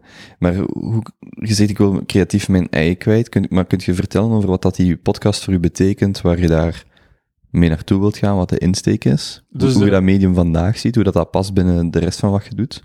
Dus ik, ehm, ik vind dat als comedian moet je een podcast hebben. Vind elke comedian zou gewoon zijn een podcast moeten hebben. Zou je het verder trekken naar als creatieveling? Als iemand die creatief werk doet? Een kunstenaar? wel- Of Nee, nee, dat niet. Omdat, omdat ik vind dat het, het, het, het, pod- het medium podcast is zo dankbaar voor wat dat comedy is. Omdat je moet als comedian, je job is grappig zijn, allee, dus grappig en vlot praten in een microfoon. Dus dat vertaalt zo gemakkelijk en zo rechtstreeks Hmm. naar podcasting. En dat, ik vind als comedian is dat bijna zo'n skill die je nodig hebt. Eh, grappig zijn op een podcast. Dus ik vind dat dat zo perfect eh, bij elkaar aansluit. En dat ondersteunt elkaar ook, vind Mhm. ik. Dus je kunt dan, eh, als je een podcast hebt, kun je een publiek opbouwen die je dan naar je optredens kunt sturen en zo van die dingen. En dat communiceert met elkaar. Ik vind dat perfecte symbiose en een heel goede aansluiting van elkaar. Omdat je, je leert ook zo improviseren en je leert en vertellen? en vertellen en van die dingen. Dus ik vind dat dat perfect bij elkaar aansluit. Nu, en, en ik, zei, ik vind ook hoe, hoe meer podcasts, hoe beter. Hmm. Ik, vind, ik moedig mensen aan om podcasts te starten. Ik zie dat niet als concurrentie. Ik zie dat als aan een nieuwe podcast, dan gaan weer mensen het medium leren Ja, kennen. je, je pakt wel mogelijk gasten af van andere podcasters. Ah, ja, maar dat... Dat, dat, dat, dat hebben ze al Ah, tegen mij verteld. manier, ja, Zo. interviews. of zo. Ja, maar, en dan zeg ik, ja, maar eh, als ik naar die Amerikaanse podcast kijk, daar gaat, wat ik net cool vind, is dat er is een gast dat ik volg, en die komt dan op vijf podcasts, en op elke podcast ga ik iets anders leren, omdat die allemaal Ja, een ja, andere tuurlijk. insteek hebben. Ja. Andere leeftijden, andere achtergronden. En dat vind ik heel cool. Dus Maar- ik zeg, doe maar, maak maar. Als je echt fan bent van iemand, als je zo iemand eh, hebt, een bepaald persoon, en je wilt nu... Pak nu bijvoorbeeld Maarten Boudry. Hm. Je ziet Maarten Boudry, ehm, je ziet een keer in ter zaken, en je vindt, ah, dat is wel een interessant, je leest een keer de column, ah, dat is wel interessant. En dan ga je naar een podcast-app, je, tikt- je tikt in Maarten Boudry, en er verschijnen zes afleveringen van random podcasts Hm. met Maarten Boudry. Voilà, je luistert naar die zes afleveringen, en hebt een heel vol beeld van Ja. wie dat Maarten Boudry is. Maarten Boudry is. Ik vind dat ook. Ik vind, ja, nu als je interviews doet, snap ik wel. Allee, maar als het over comedy gaat, bedoel, mijn podcast is heel vaak dezelfde gasten. Hmm. Dus ik, allee, een derde van mijn afleveringen zijn bijvoorbeeld met Lucas Lely. Dus dan, ja, Ja, maar het, is, het blijft, wat jij zegt, je bouwt wel een heel nauwe band op met je luisteraars, slash kijkers, slash volgers. Omdat die ook, gelijk je show, ja, ofwel zie ik hem, of ik zie hem niet, maar je doet je optreden, en als je stopt met optreden, ja, je het nu op YouTube, maar die beleving heb ik niet meer. Terwijl uw podcast kan ik volgen, ik kan u volgen, hoe gaat het met u? En wat ik ook, ik weet niet of je What the Fuck van Mark Maron Ja, ja, ja. beluistert, die heeft zo'n eh, duizendste recap aflevering gedaan, en wat ik heel cool vond, wat hij zei, is dat die podcast, want hij doet eigenlijk ook een interview format, maar hij steekt ook heel veel van zichzelf in. ja, ja maar hij, hij was dan met zijn producer over een bal en hij zegt, die podcast is eigenlijk, want ze waren tien jaar lang bezig, een, eh, een auditief eh, dagboek, of Dagboek, ja. verloop van tien jaar in zijn leven. En ik vond dat wel, als ik daar dan zo aan dacht over mij, van oké, je maakt hier een podcast en je, de, de natuur is, je maakt vandaag doe ik een opname met u en eh, morgen met een die en je bekijkt dat altijd van opname tot opname tot opname. Maar wat ik over laatst heb gedaan, is die oude opnames gedaan. En echt zo heel veel afleveringen, gewoon tien minuten geluisterd. En, dan, en dan echt gemerkt van, wow, toen was ik keihard daarmee bezig. Een jaar later was ik keihard daarmee bezig. En gehoord aan de vragen. En ja, ja. het is een beetje gelijk dat ik door mijn oude dagboeken ga. Echt zo, Mhm. je, je ziet de evolutie van jezelf Ja, ja. die tijd. En ik ben zeker als je dat bij u ook zo doet, echt zo van, wow, daar was ik toen twee jaar ik doe ook niet, ik doe geen interviews, dus ik doe, ik, ehm, ik, ik interview niet mensen, ik, ik, ik, ehm, ik, ik maak een soort van comedy-gesprek of zoiets, of ik, ik doe een gesprek met mensen. Ja, ik, ik, ik noem dat nu comedy, maar de- allee, ik doe een gesprek met mensen, maar dat is heel 50-50. Hm. Like, dat is niet dat ik iemand uitnodig om te weten wie die is en te tonen aan mijn mensen, aan mijn luisteraars, ah, wie is die persoon en Mhm. het het is eerder van, oké, dit is de gesprekspartner van de week en nu gaan we ons meningen geven over van alles. En, en, ehm, dus dat is heel 50-50. Ik, ik, ik- het zijn afleveringen dat ik meer praat dan de gast, bijvoorbeeld. Mhm. Ja. Dus dat is nog... Dus inderdaad, als ik dan eh, een jaar terug ga, of twee jaar terug ga, dan kan ik effectief zo... Wat, wat was mijn mening over... Of wat, wat dacht ik... Hoe, ja, inderdaad, hoe stond ik toen in het leven eigenlijk? Ja. Ik vind dat, nu dat, nu dat je zo zegt, denk ik, wow, ik heb vandaag in onze opname al procentueel meer gebabbeld als ik normaal zou doen. Ja, is Het dat- een, ja, het is al meer een babbel als, eh, als, een, als een interview, wat ik ook wel leuk vind. Maar vaak is dat bij gasten zo, mensen gaan ervan uit dat ze geïnterviewd worden en dan Ja, maar dat vind ik komt de vraag niet terug. Dat vind ik, maar dat vind Maar ik... het is een bepaalde be- dynamiek. ja. maar dat bewonder ik aan wat dat je doet. Want, want je had het daar straks over die babbel met Dries of andere babbels. Ja, daar zit niks van mij in, behalve Ja, de vragen. Maar daar zit geen mening in, daar zit geen... Nu zijn we aan het babbelen. Ja. Ehm, en het, het is een bepaalde dynamiek. Ja, ja. En ze, ze, maar ze zijn wel heel verschillend. Ja, Zo. Ik ga niet naar dat van Dries luisteren om echt te horen waar ik mee bezig was, want dat zit er oh weinig ja, in. het is dat. Ja. Maar wat ik, dat bewonder ik aan wat, ik, wat je doet, omdat eh, inderdaad mensen komen om geïnterviewd te, te worden. Ze zetten hun neer en ze wachten, en ze wachten op u en jij stelt een vraag en ze zijn klaar en ze kijken naar u, ah, wat, wat moet het nu zijn? Hm. En dat kan ik echt niet. ik heb echt iemand nodig, dus daarom dat heel vaak dat ik dezelfde mensen vraag. Dat dat vaak, omdat ik iemand nodig heb die zo ehm, mee wil bouwen aan de podcast of zo. Mhm. Die binnenkomt van locked and loaded, van oké, we gaan een podcast opnemen, Ja. kom, het gaat goed zijn. En die zo, die samen, die ook zelf dingen smijt of zo, of die zelf iets voorbereid heeft, of, of die, ehm, ja, die, die, die, eh, die, zelf goesting heeft om te presteren. En ik merk ook dat ik mensen die echt zo komen, locked and loaded, klaar om te gaan, dat ik die terugvraag, Ja. meestal. Ik merk ook wat we doen met eh, Jonas en Benjamin, die Junto-afleveringen. Elke twee weken hebben we dat een keer of tien gedaan. En dat zijn de enige afleveringen waarvoor ik dus nul stress heb. Hè. Dat is echt Ja, gewoon... ja. Want wij doen altijd een vragenlijst, gebruiken wij als, eigenlijk als, als, als backbone voor, voor die opname te doen. En we hou, ik hou er dan wel een notitie bij en door de weken tussen de opnames hou ik dan dingen bij om te vertellen. Maar dat is echt letterlijk, we gaan met drie een podcast maken. Ieder heeft dezelfde input. Het, ik moet geen vragen stellen, Ja, de vragen zijn daar. Het is een samenwerking tussen. En dat is letterlijk gewoon opzetten. El- elke babbel dat ik ooit heb gedaan, ik zeg dat vaak tegen mensen, denk ik een kwartier op voorhand, inclusief vandaag, moest die nu ziek zijn, oeh, dan hoef ik zo'n beetje plankenkoord. Ik, ik heb dat met alle babbels, hè. Snap ik. Maar met die is het echt zo, nee, dat zijn de twee maten, we zijn, allee, we zijn met drie maten samen, en dat is gewoon babbelen, en Maar het hangt niet van mij af. het is iets heel primair ook, hè? want je haalt een vreemde in je huis, je moet eh, iemand voor het eerst ontmoeten, dat is... Dat, eh, dat vraagt energie, hè. Mm. Dat vraagt gewoon energie, dat is... Ik geloof dat Seth Godin was dat ooit zo zei van ja, een interview in het begin is een beetje gelijk dansen met iemand voor de eerste keer. Je bent nog echt zo de eerste stappen aan het voelen voilà, van ja. wat is ons tempo, vinden we elkaar? En dan als je, in de, Ja. als je bezig bent, en dat Ja, kan inderdaad. 10 minuten duren, kan een uur duren, maar als je eens bezig bent, van, dan is het goed. Maar dat begin is altijd een beetje, Ja, ja. beetje awkward of zo wat zoeken. Ik ben, kijk, hier is een vraag. Waarom neemt je maar een uur op, of waarom is een uur voor u een goede maatstaf? Ehm, Want wij zijn nu al drie kwartier aan het opnemen, hè? nou, kijk, het gaat rap. De, Het gaat heel rap. ja, Ik be- Ik begin op gang te komen. Ja, en voor de luisteraar, we waren daar op voorhand over bezig. Hè. Wacht, voor je daarop antwoordt, weet je trouwens wat ik nu merk? Want we kunnen daar wel technisch over babbelen. Het nadeel, we hebben het over microfoons gehad voordat we begonnen Ja, op te ja. nemen. Wat ik hier merk, en daarom zit ik dit naar die audiorecorder te kijken, is dat wij zitten zo dicht bij elkaar, relatief dicht, en hier is relatief veel galm. Mijn Ah. microfoon pikt u op wanneer, ik aan wanneer jij aan het babbelen bent en andersom. En ik denk dat je dat in de postproductie gaat horen. En ik denk dat die SM7B's, ik ben heel benieuwd om het te testen, dat veel minder hebben. Ah, ja, ja. En dat is wel, dat valt mij nu op, dat als ik aan het babbelen ben en ik kijk naar de audiorecorder, dat ook uw microfoon het aan het oppikken is. Ja, zo. Dus- ja. Even tussendoor. Ah, ja, Want anders ga ik dat is- vergeten van dat te zeggen. Oké, Dat is ook interessant. dat was even meta voor, eh, ja, de dat wil, ik, luisteraar. maar dat wil ik weten. Hè. Dat wil ik weten, zo'n ding. Van Ja, de zalig. Dus misschien Ja. toch die zeven, toch de 900 euro. Ja, misschien wel. Het, het, het verhaal voor de, voor de luisteraars, de achtergrond is dat Eduard ehm, een Patreon-account heeft. Mhm. Wacht, vertel misschien maar over de burgers en dan, en dan over Ah, de, ja, ja, over de dus microfoons. Ik, ik heb een Patreon-account waar dat mensen kunnen voor 3 euro per maand, dus de mijn luisteraars kunnen voor 3 euro per maand eh, mij steunen. En die krijgen ehm, twee extra afleveringen per maand.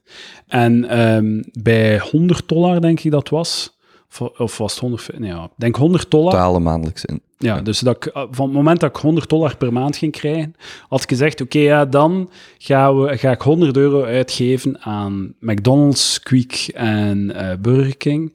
We gaan dat bestellen en dan gaan we dat rec- recenseren, eh fretten en recenseren live op de podcast. We hebben dat dus gehaald en we hebben dat gedaan. Dus ik, Lu- Lucas Lely en, en Roosje Perts, we hebben op zo Deliveroo en Uber Eats dat tegelijk besteld. En dat is dan aangekomen dat zo vijf burgers van elk, zo voor wat dezelfde categorieën ver- vergeleken met elkaar en opgefret. En dat is zo'n opname van, van een uur en drie kwartier, waarin dat we zo eerst zo die eufo- euforie van dat fretten en dan worden we zo heel depressief, wordt het heel zo donker en zo eh, kribbig en zo. Het is een moment dat ik zo mij kwaad maak op Lucas, gewoon omdat dat fretten, dat is zo slecht. En dan tegen het einde zi- zijn we zo vol hoop van oké, we gaan op dieet en we gaan het goed maken en dit en dat.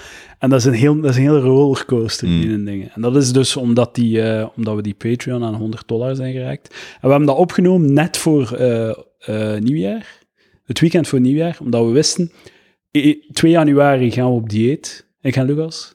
Dus we gaan op dieet, dus nu moeten we zo diep mogelijk gaan, dat we zo gedegoteerd zijn van ons eigen, Hmm. dat we de motivatie hebben om dan op dieet, dieet te gaan. Maar dus, ik ben aan het afwijken. Ik heb een Patreon waar dat je voor 3 euro kunt eh, dat doen. Dus eh, je krijgt twee afleveringen per maand extra. En dus alle afleveringen die, daarvan, die daar al op staan, dat zijn er ondertussen een stuk of 17. En ook als je 10 euro, ik weet niet of dat je dat weet, maar als je 10 euro betaalt per maand, mogen ze na zes maanden te gast zijn op de Mm, podcast. mhm.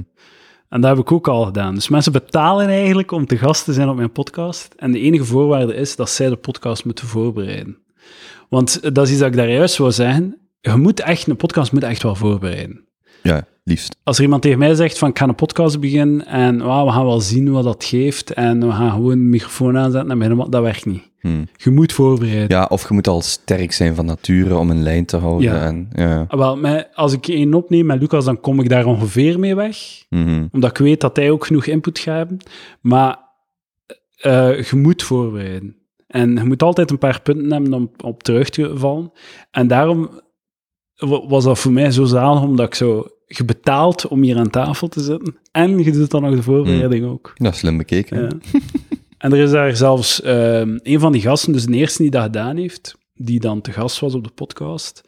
Dat klikte zo goed en dat werkte zo goed dat ik die al vier keer terug heb gevraagd. En nu is hij gewoon een van de regular guests eigenlijk gewoon. Dus ja, dat is een heel, die Patreon, dat is een, een, een eh, dat was ook een beetje, dat was ook zo, met hetzelfde moment dat ik zo wat eh, beu was van comedy te doen, was ook zo, begon ik ook zo, ah, die podcast elke week, eh. en die Patreon heeft zo wat nieuw leven Hmm. eh, gegeven, heeft een nieuwe dynamiek gegeven. Patreon.com slash palaver. Ja. Ja. Ja. ja, want ik vind dat, ik heb daar ook een tijdje mee, ik heb één Patreon gehad. Ah, ja. Shout-out naar Davy, dat zat in zijn, dat zat in zijn perk. Als hem hier naar luistert. Ehm, en die gaf dan 20 of 5 25 euro per maand.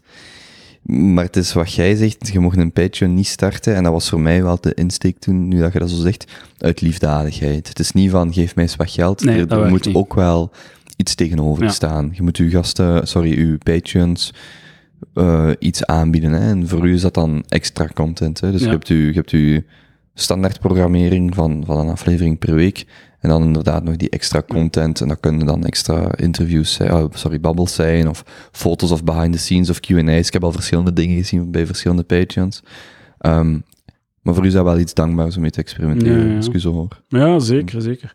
En ook eh, dat uur vind ik belangrijk, omdat ik niet te veel, omdat ik heb zo in mijn hoofd, het ideaal in mijn hoofd is zo'n comedy podcast die goed vooruit gaat, waar dat, eh, waar dat er weinig tijd wordt in verspild. En ehm, ik, ik wil niet zo'n soort van laid-back sfeer creëren, waarin dat je zo wat kunt zo in je zetel wegzakken en Mm. een beetje babbelen over dit en over dat. En dat heeft ook zijn waarde, maar dat is niet wat ik wil doen. Ik wil, ik wil een strak uur, dat je weet van oké, het gaat een uur gaat goed zijn en op het einde ga ik, leave wanting more, ga ik iets meer willen. Ja. En dan ga ik misschien 3 euro betalen voor een Patreon. Allee, niet dat ik zo gefocust ben op dat geld, ik vind dat gewoon echt een, een toegevoegde waarde, want uiteindelijk, al het geld dat ik van die Patreon krijg, steek ik terug in de podcast. Allee, wil ik direct terug investeren in de podcast. Door, ik weet niet, voor 100 euro hamburgers te kopen of, of eh, materiaal te kopen voor... eh, Ja, het is gewoon een leuke. eh, ik zei dat ervoor ook, voordat, voordat we aan het opnemen waren. Van, ik zou niet zelf geneigd zijn om 100 euro te pakken en ehm, van mijn eigen geld Veel burgers te gaan kopen. Ja, Veel 100 euro hè? voor een podcast. Ja, ja, ja. dat, is, dat is heel veel geld. ja, ja. En dat is, ik zou dan eerder nieuwe kaarsen kopen of zo, maar geen, geen, eh, eh, geen burgers. Maar als je dan dat geld, allee, als je het op die manier dat model hebt waarin, een model, die situatie waarin je geld krijgt, ontvangt, om die dingen mee te gaan doen, die dingen versterken dan ook weer eens die een Patreon. En Maar dat is superleuk. dus, die, die 100 euro is direct terugverdiend. Dat is Hmm. zot, want dat is, dat is allee, ik had in mijn hoofd de foto voor op Instagram van al, dat- al die een bucht en de, de clickbait-waarde daarvan. Hmm. Dat zat vreemd in mijn hoofd. Dus ik wist van, als ik daar een foto van trek, ik het al op eh, Instagram, gaat dat direct weer verkeren naar de Patreon kringen. Hmm. En effectief zo, ik heb dat online gezet en zo drie weken later zat er al 60, 70 dollar bij. Hmm. Dus op twee maanden is dat terugverdiend gewoon. En dan- dat geloof ik van, als ik daar alles wat ik, als ik een beetje slim ben met de manier waarop dat ik het terug uitgeef, gaat dat gewoon Hmm. Zichzelf versterken of zo. Nog ideetjes? Zo ergens een drunk dialing of een, of een zat bordspel of... Wat, ik ook, wat we ook al hebben gedaan, zijn we, we zijn met luisteraars naar de Lunchgarden geweest en dan een aflevering genomen, opgenomen met die twee luisteraars. Dus ik ga dat ook een keer doen met de Colmar, Hm? met Patreon geld, met twee luisteraars en nog, nog een collega. Allee, een andere, dus een van mijn vrienden en dan nog twee luisteraars naar de Colmar gaan en een aflevering opleveren. Ik ga eh, bij 200 dollar eh, eh, zet ik een vat voor de Patreon, Hm. voor de mensen van Patreon. Dus dat hebben we ook bereikt. Dus Dus dat slimme vat, Patreon wacht gewoon tot 195 en dan even 3 dollar of zo. het staat vast. Het vat wordt gezet op 14 maart, za- zaterdag 14 maart, in Mm. een café in Gent. Ik zeg niet welk café. Daarvoor moet je naar patreon.com en voor 3 euro per maand moet Mm. je meedoen aan het vat. Ik ga het opschrijven dat ik dat ga doen. voilà, ja. 14, ja, ik ga eerst checken of ik 14 maart... eh, ja, ja, ja. Dus daar, daar, voilà, kijk. zalig. Ik vind dat wel een heel leuk model, want ik, ik, ik heb zo lang een podcast of drie, vier zo'n dollar per maand ged- gedeeld, gesteund. Ik vond dat een heel leuk model om zo, dat gaat niet om dat geld, maar dat je toch een bepaalde, je, je brengt zoveel gratis content uit als maker. En bij Ja, mij ja. was dat Sam Harris en Dimitri van Hidden Forces en nog een paar, dat ik dacht, ja, ik, ik haal daar zoveel uit.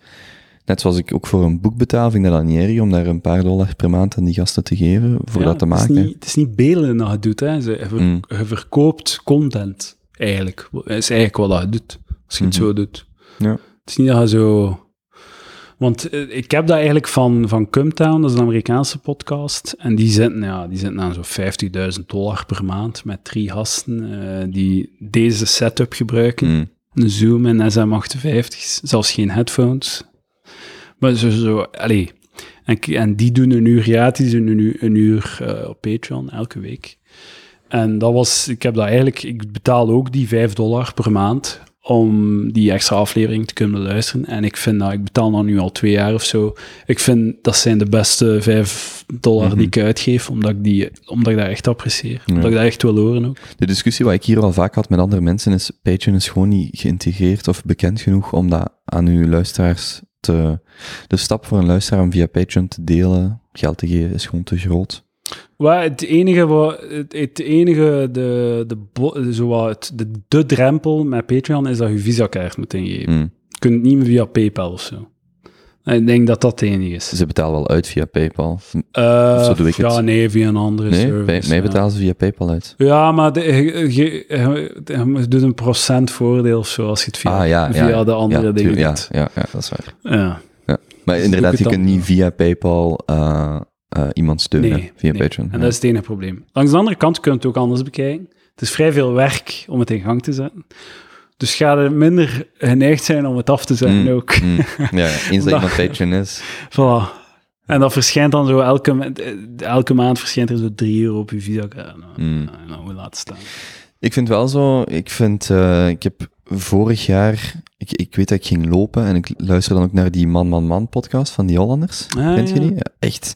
Dat ik soms moest stoppen met lopen, want dat was gewoon heel grappig. Dus drie Ja. gasten en die hebben dan ook een uur dat ze babbelen over een onderwerp. En dat ligt op voorhand vast. Ook voorbereid, hè. die mannen zijn goed voorbereid. En twee daarvan zijn ook radiomakers van de drie Ja, ja. drie Hollanders dus. En dat gaat dan over liefde, vriendschap, geld, daten. En gewoon drie gasten dat babbelen. Heel goed. Maar ondertussen...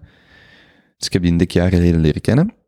Ondertussen vullen die ook theaters met hun drie. Die, die zijn super goed bezig. Er is in Tilburg ook zoiets. Dit met aan de Arenberg Schouwburg, de, aan de Arenberg. Oh, ik vergeet altijd die naam. De, Arenberg Schouwburg. de Arenberg Schouwburg deed mij aan denken als ik een foto zag. En dan denk ik, ik vind die, die nieuwe media, ik vind dat super cool dat je vandaag, alles Patreon of eh, via Instagram, dat je een publiek kunt vinden, dat je kunt maken wat je wilt. En oké, dat is een verschillende mate van succes, want er zullen ook mensen zijn die daar jaren mee bezig zijn en waar dat, dat toch ook een beetje uitblijft.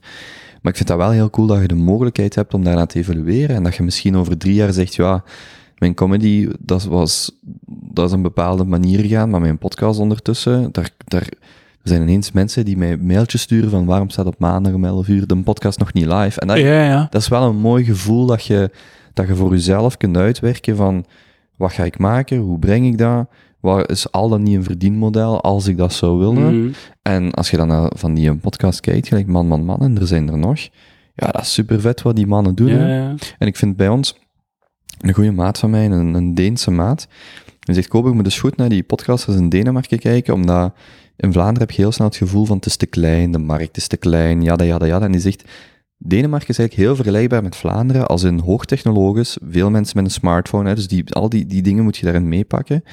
Ik vind dat super cool. Ik was gisteren nog op een feestje, aan een receptie. Iemand zei, ah, je maakt een podcast. Ik zei, ja, pak maar je Spotify. Ik toon het. Iedereen heeft een smartphone. Iedereen heeft Ja, daar een podcast-app of Spotify op staan. En hij zegt, je moet eens naar Denemarken kijken. En hij zegt, er zijn dus heel, ook een zes, zevental miljoen mensen ongeveer, vergelijkbaar met Vlaanderen. ja, ja, inderdaad. En hij zegt, er zijn heel toffe modellen, wat dat hij dan al dan niet met merchandise of live events, maar hij zegt, er zijn er genoeg om naar te kijken, om u te tonen dat het gaat. Er, er zijn daar modellen die je kunt gaan zoeken, om daar, ehm, als je dat zou willen, om dat op zichzelf te laten Ja. staan. En dat is niet van vandaag op morgen, Ja. maar ik vind dat wel, je kunt echt gewoon je creativiteit ja. vrijheid laten, en je bent niet afhankelijk van een managementbureau of een bepaalde Ja, het is zo. Ik doe, ik doe ook bijvoorbeeld live shows af en toe. Hm. Twee keer per jaar of zo. Een keer... eh, ehm, ik heb, tijdens ons feesten doe ik het een keer en zo om eh, zoveel jaar Palaver. Dus ik heb één jaar Palaver, twee jaar Palaver gedaan en dat wil ik elk jaar doen. Hm. En dan doe ik een live show en eh, een live podcast. En ik merk ook dat dat groeit. Ja, is misschien nog een tof idee. Ja. Zo'n een, een, eh, huis, of zelfs zo'n huis, Ah ja, We hebben zo'n ja. huiskamerconcertje gedaan, maar dan het equivalent met een podcast of zo. Inderdaad, ja, waarom niet? Want wat, je zegt, je, je zit nu dan, eh, je werkt als programmeur, maar die podcast, hè, dus in je bio, full stack webdeveloper, podcaster en comedian. Dat is wel hoe je vandaag naar je ja, die podcast is echt zo. ehm, dat is niet, ik zie dat niet als een soort van aanvulling op mijn comedy. Dat is echt een project op zich. Mhm. Dat is wat ik nu. um, allee, ik ben daar meer op geconcentreerd, veel meer dan mijn comedy. Dat is een ding op zich dat ik. Een creatief project op zich, dat niet, dat ja, eigenlijk nu volledig losstaat op mijn, van mijn comedy. Hmm. Allee, want ja, het ligt toch stil, dus ja. Dus je krijgt bijna 200 dollar per maand. ja. En dan zit je wel aan het denken om 900 euro aan microfoons te geven. Ah ja, dat denk ik dan wel. Hè. Want, en dat zal dan het leuke Vijf zijn... maand. Vijf, ja, vijf maanden Patreon. Ik wou zeggen vijf maanden lonen, maar vijf, vijf maanden Patreon voor microfoons. Ja, voilà. Ja, zalig. Ja, Dat is toch cool? ja want we hadden het daar voor de opname ook over. Hè, zo van, eh, als je zei, ja, je hebt die, die armen, die Blue Compass. Ik, had het, ik dacht, het, ik had ervoor al de, de indruk, maar toen je zei die Blue Compass, dacht ik, oh, wacht, die is, die is echt op de hoogte. als, je, als je weet, wat de, dat is zo gelijk iemand, zo, over laatst was er iemand die keek zo naar mijn boekkast, die zegt, dat is die een printer, en dat is, eh, of het ging over de vormgeving van een boek, die zegt, dat is die studio dat dat gedaan heeft. Hè. Ik zo, Ah, dat is the fuck? Ja, die eh, herkende de, de, de, ja. de cover. Ik zo, ah, dan weet je er meer van. Als Maar ik ik ben, ik, gadgets vind ik zalig. Vind ik echt zalig. Dat vind ik echt zo, zo kan dat, ik leef van gadget tot gadget eigenlijk. Hmm. Van, ik wil dat, dat wil ik. Maar En dan, binnen, binnen microfoon. Ja, in het audiovisueel, algemeen ook. algemeen. ja, gewoon Ja. dat wil ik. En dan zo, ik, ik heb dat ook al geleerd van mezelf, dat als ik een gadget wil, en ik koop dat, een dag daarna zit er een nieuw gadget in mijn hoofd. Mm. Dus ik, ik maak daar een soort van, een soort van masochistische edging van. Mm. Dus dan, dus dan bijvoorbeeld als ik denk, ah, ik wil, ik had aan mijn race stuur, zo voor te game en zo stuur. Ehm, ik heb dat zes maanden zitten opschuiven. Van nee, nee, nee, nee, nee, nee, nee. En na zes, zeven maanden heb ik dat dan gekocht. Maar dus dat wil zeggen dat ik op die zes, zeven maanden één gadget heb gekocht. Dus dat valt dan nog mee qua impact, verstaat? Mm. Dus dat, ja, ik, ik kan daar ook eeuwig over babbelen en ik jij ook. Allee, we hebben daar juist een uur en een half zitten over Hmm. de podcast materiaal zit te praten. Ik kan er even over babbelen. Ik vind dat max. ehm, dus daarom, allee, dat is ook zo, dat programmeren en al zit een beetje in die sfeer ook, hè. Van technologie, met technologie bezig zijn en, en eh, ja, dingen doen werken op de manier dat je het wilt.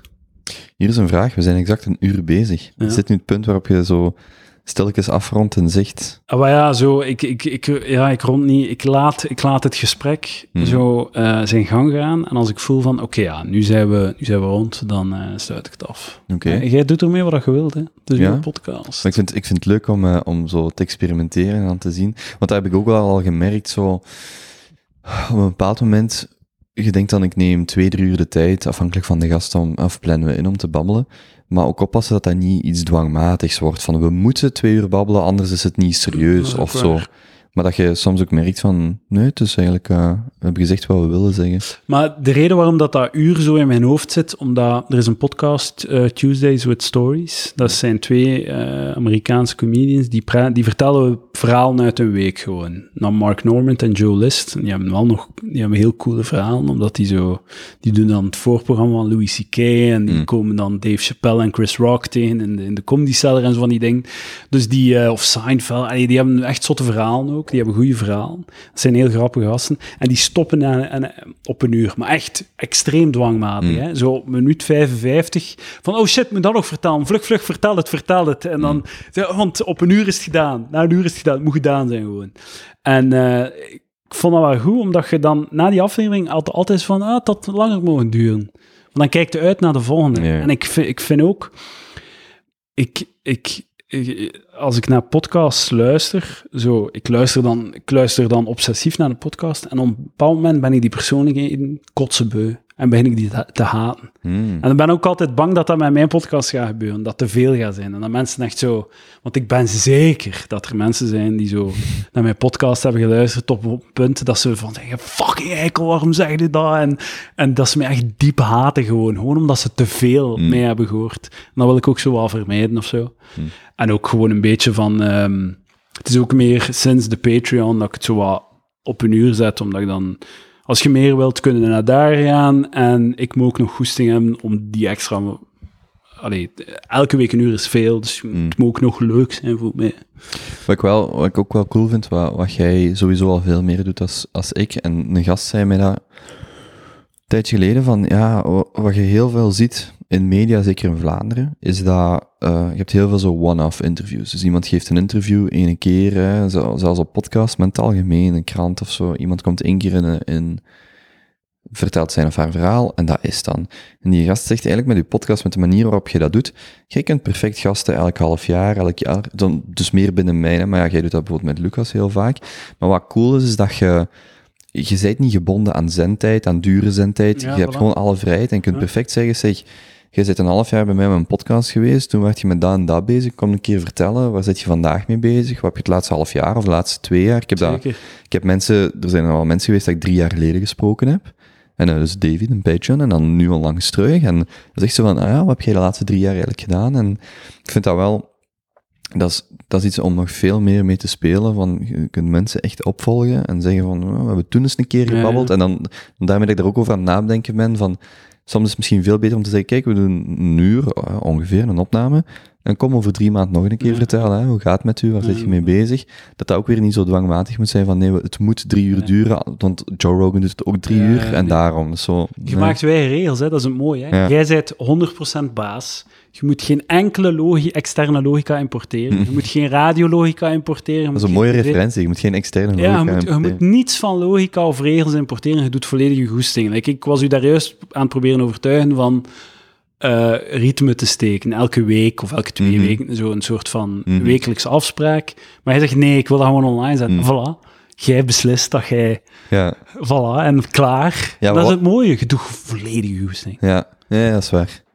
Waren dat de, de twee regels om succesvol te zijn als podcaster in Vlaanderen? Ik ben ervan overtuigd. Als je een nieuwe pod, als mensen, als je een podcast wilt starten, zorg dat je audio-kwaliteit deftig is. Dat ze niet, mensen, je moet gewoon zorgen dat mensen het niet afzetten na 30 seconden omdat Hmm. een uur, om, omdat hun oren bloeden. Ja. Dat is het enige.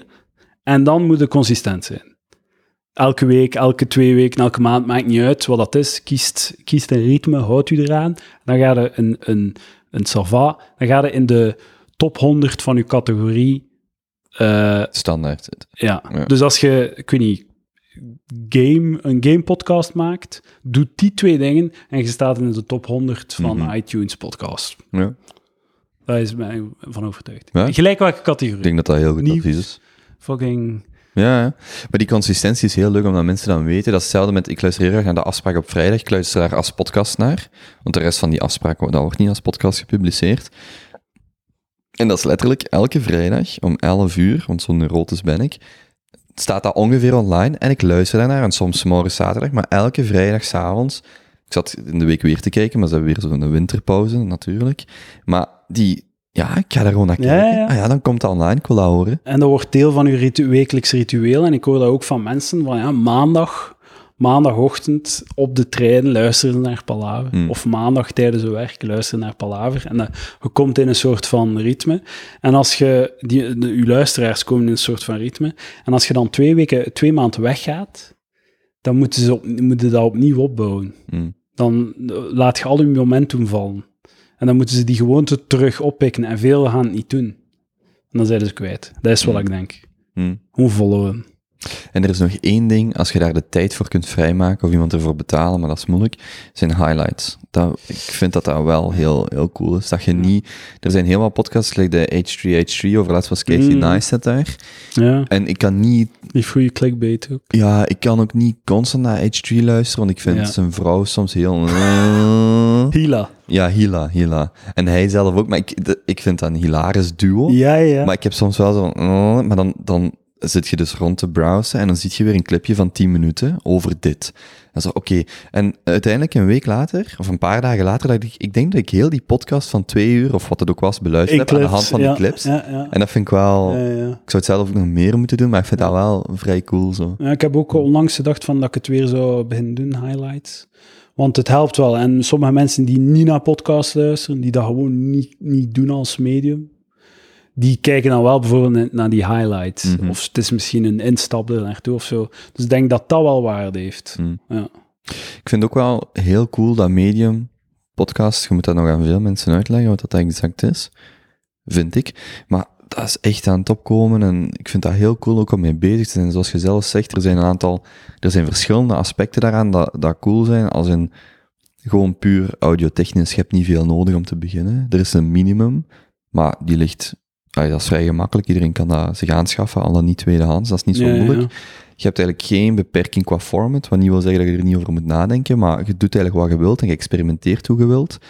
En iedereen heeft een smartphone, veel mensen hebben een smart TV of een praatpaal of een, of een, eh, een, een Echo of wat is. Dus Ja, iedereen kan er overal naar luisteren. En dus ik vind dat super dankbaar om in te zitten. En voor mij, maar dat is dan meer het type show wat ik maak, het is een geweldig excuus om mensen te leren kennen. Voilà. Dus echt gewoon, Dat is- ik maak een, ja. en dat was, want soms zeggen mensen, ja, maar je hebt vandaag al, je doet al een paar jaar, je hebt honderd afleveringen. Ik zeg, mijn allereerste aflevering, hè, mijn eerste gasten waren Peter van den Bemt en Roland, de beste sportcommentator vind ik. En Roland du Châtelet, een van de miljardairs van ons land. Ik zeg, en ik had niemand geïnterviewd. Ik had die gewoon twee, al twee Ja, een ja. mailtje gestuurd, hè.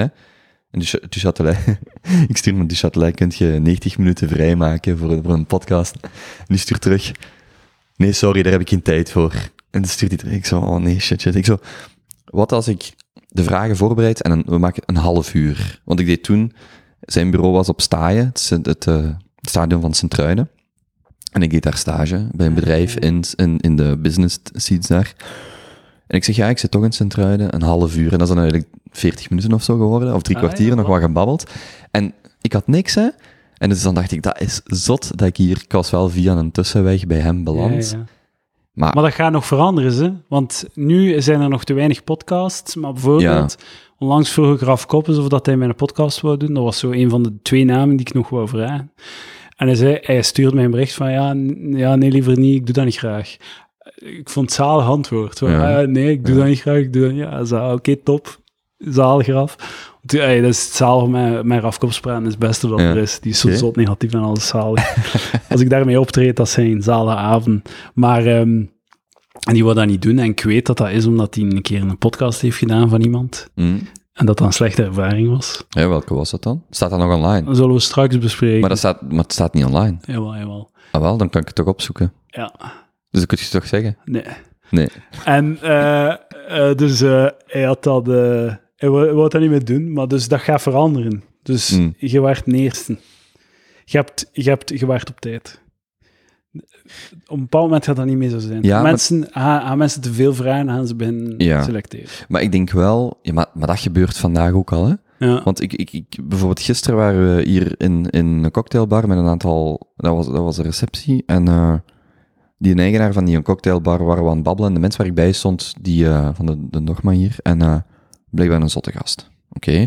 En we staan daar met een man of vijf en die kenden hem allemaal. Ik kende hem niet. Hè? En die zeggen, ja, ja, moet daarmee babbelen. Ik zeg, weet je wat? Als hem thuis voorbij komt, want hij liep daar de hele tijd rond, zeg tegen hem, die een podcast, hè, want dat zijn allemaal luisteraars, zeggen, dat is een toffe podcast, dat is een toffe gast die met u een toffe babbel wilt voeren. Ik zeg, als ik dan hem vraag, dan ben ik de interviewer en hij. Ik zeg, zeg dat gewoon, dat hij dat moet doen, en dan doen we dan wordt dat veel leuker. En ik merk wel, als je dus een in hebt bij mensen van, en zoals dat bij een heel aantal gasten, dat wordt hoe langer hoe meer, van gewoon, je bent betrouwbaar, je, Mm. je probeert niet iemand eh, in een val te lokken of Ja, zo. Je ja. bent- dat is voor mij super dankbaar. En dat, dat kunnen mensen heel goed uitspelen. Gewoon van, Ja. kijk, kijk eens, wie, wie zijn de mensen daar rond u staan? Uw vrienden of, eh, of connecties of, of kennissen? En kunt je via iemand dat gaan doen? Want de, de, de cold emails of de cold requests, dat denk Ik dat dat niet aan, man. Ik kan dat niet. Ik vind dat zot dat je dat al zo lang volhoudt met zoveel mensen. Want dat gevoel dat je beschrijft van, er komt iemand die ik eigenlijk niet ken. Ik ga daar nu een uur en een half mee praten. En het, het, de verantwoordelijkheid ligt 100% aan mijn kant om het gesprek gaande Ja. te houden en het interessant te houden. En die persoon te geven waar dat hij zijn tijd niet te verspillen. Dat kan je niet aan. Ik vind dat veel te stresserend. Ja. En ik vind dat niet leuk ook. Dus ik doe dat gewoon niet meer. Dus ik, ik neem gewoon podcasts op met mijzelf, de vijf maanden. En dat is het dan maar.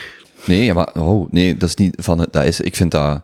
Maar dat, dat is, Zalig, ik, ik, ik, ik accepteer, allee, ik heb gewoon voor mezelf uitgemaakt, dat is de niche die ik breng. Mhm. En het is beter dat ik daar volledig in leun. Maar Dat ik zelfs gewoon opne eh, podcasts opneem met, met luisteraars, die dan ook gewoon vrienden worden. Ja. De- dat dat een soort van... Een, want ik zeg soms van, ja, Palaver, dat moet een podcast worden die 100% gaat over Palaver. Dus het moet een soort van zelfbedruipende podcast worden. Hm. We praten over Palaver met luisteraars van Palaver. Zo, zodat ik niet moe dat gevoel heb dat jij Ja, maar- elke week trotseert. Want ik heb dat, als ik buiten kom bij iemand, hè, dus dat is echt letterlijk elke keer dat ik denk, oeh, als hem ziek is. Ik zat, ik zat een keer, eh, kan ik dat zeggen, ja, bij Geert Noels, echt letterlijk, hè, dus een, een Ja, econoom. een boek aan het lezen. Gigantisme. Giga- gigantisme. Ik zat daar in zijn bureau, mij opgesteld, alles stond klaar. Om vier uur gingen we beginnen.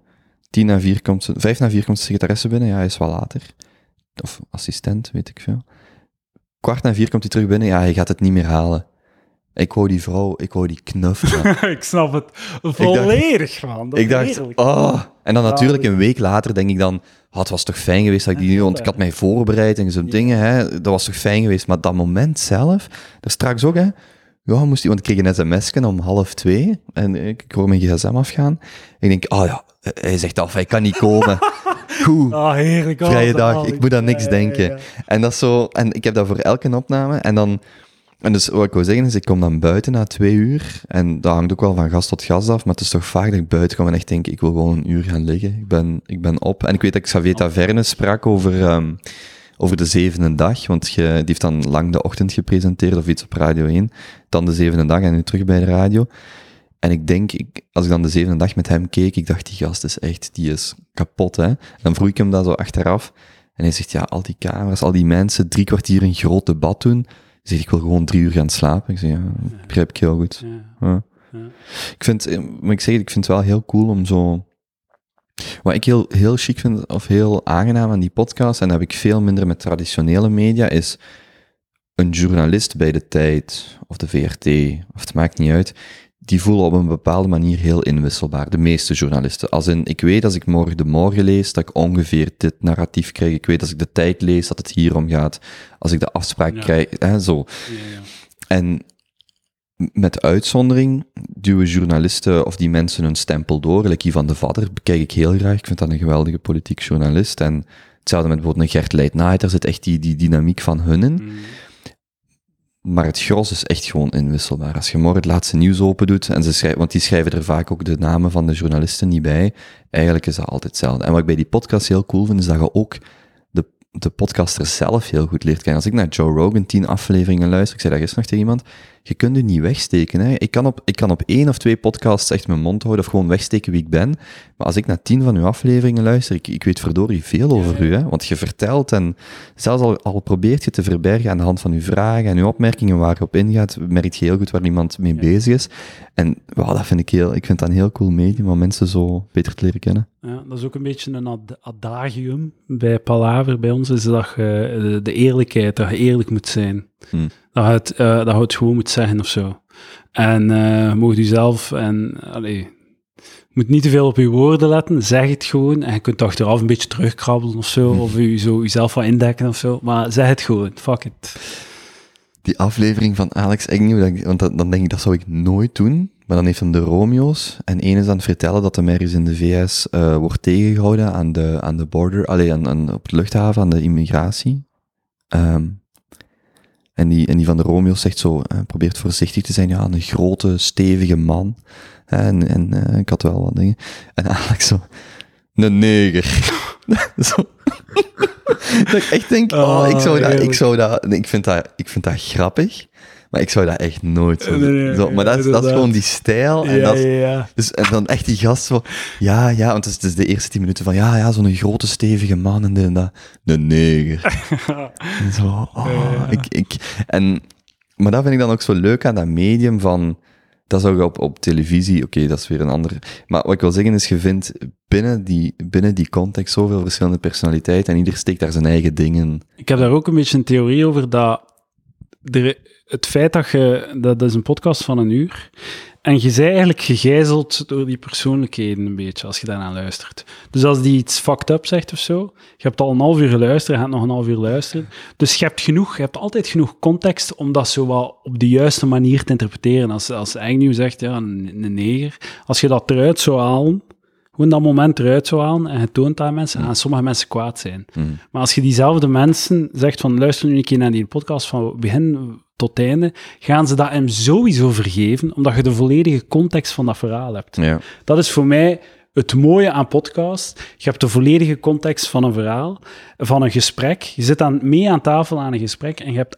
de volledige context. Daarom vind ik het ook belangrijk om niet te monteren, niets Mm. te knippen. Ja, Zo ja. weinig mogelijk. Gewoon on, eh, record en stopduwen en dat volledig online zetten, omdat je dan alle context hebt. Ja. En dat vind ik zo leuk. En dan zitten er misschien zo wat een stuk in het gesprek dat minder interessant is of zo, maar je hebt de volledige context mee. Like een natuurlijk gesprek op café of in, aan tafel of whatever. Mm. Dus maar je hebt de volledige context. En ik denk dat heel veel dingen die, als je ze eruit zou halen als soundbite, dat die fucked up klinken, dat de angel er volledig wordt uitgehaald, omdat je die volledige context hebt. En eh, dat, dat is hetzelfde met wat je beschrijft van Agnew. Dat is ook zo wat de, de paradox. Ik vond dat he- super interessant om over na te denken, maar de paradox is dat iedereen zegt de aandachtspannen van mensen wordt korter. Eh, Dus traditionele media struikelt over het feit dat de aandachtspannen korter wordt. Dus de, de, de headlines moeten steviger, concreter, emotioneler. Tegelijkertijd komt er een medium op waar mensen drie uur lang luisteren naar de Eric Weinsteins en de weet ik veel wat. En ik luister er met plezier naar. Dus je zit daar echt ja. aan de ene kant narratief, nee, mensen luisteren, mensen hebben geen tijd meer. Maar tegelijkertijd groeit dat medium Ja, niks waar mensen heel veel tijd hebben. En ik vind dat ook heel mooi om daarmee te spelen van, wacht eens, net het niet knippen en het net die saaie momenten erdoor, ertu- ertussen laten, ehm, dat maakt integraal deel uit. Dat is gelijk de negatieve ruimte integraal deel uitmaakt van de strip, of het Ja. maakt niet uit. Maar door dat erin te laten, heb je gesprek, je hebt toch dat menselijke en je hebt die verbinding en Eerlijkheid dat is iets ook. wat, ja, ja. dat is en- deel van de eerlijkheid, ja. denk ik. En dat is van, want we hadden het daar straks over Dries en andere figuren, want Theo Franke komt dan binnenkort waarschijnlijk ook op de podcast. Ik vind dat dan soms jammer dat mensen op voorhand echt een mening hebben. Ik begrijp waar dat van komt, maar voor mij gaat het dan om, ik wil die persoon spreken en of dat nu een, een volatiel of een, of een, eh, een persoon is met een bepaalde naam en faam of helemaal niet, laat die persoon hem of haar gewoon zijn verhaal doen. Ja, ja. En, en, en luister wat dat die te zeggen hebben. En neem dat ook serieus op. Lag dat niet weg. In alle mogelijke, want Ja. ik soms moeilijk vind, of, of, of ik vind dat een vreemde opmerking, som- mensen gaan er altijd vanuit dat ik niet akkoord ga met de, sommige politici. Maar ik zeg dan, bij el- elke gast zegt uiteindelijk wel iets, of quasi elke gast, waarvan ik denk, ik ga daar niet mee akkoord. Mm. Ik, ik, ik sta daar niet achter. Ja, En dat is prima. ja, En dan kun je gaan discussiëren of je vraagt gewoon, oké, vertel eens wat meer. Ja, Hangt ook een beetje van de context af. Maar ik ben dan veel meer geïnteresseerd in, ah ja, jij vindt dat het zo moet zijn, vertel eens. Ja. Ja, ja. Dat is, dat is ook een beetje met comedy zo, dat je zo... Je moet niet akkoord zijn met een comedian om hem grappig te vinden. Hm.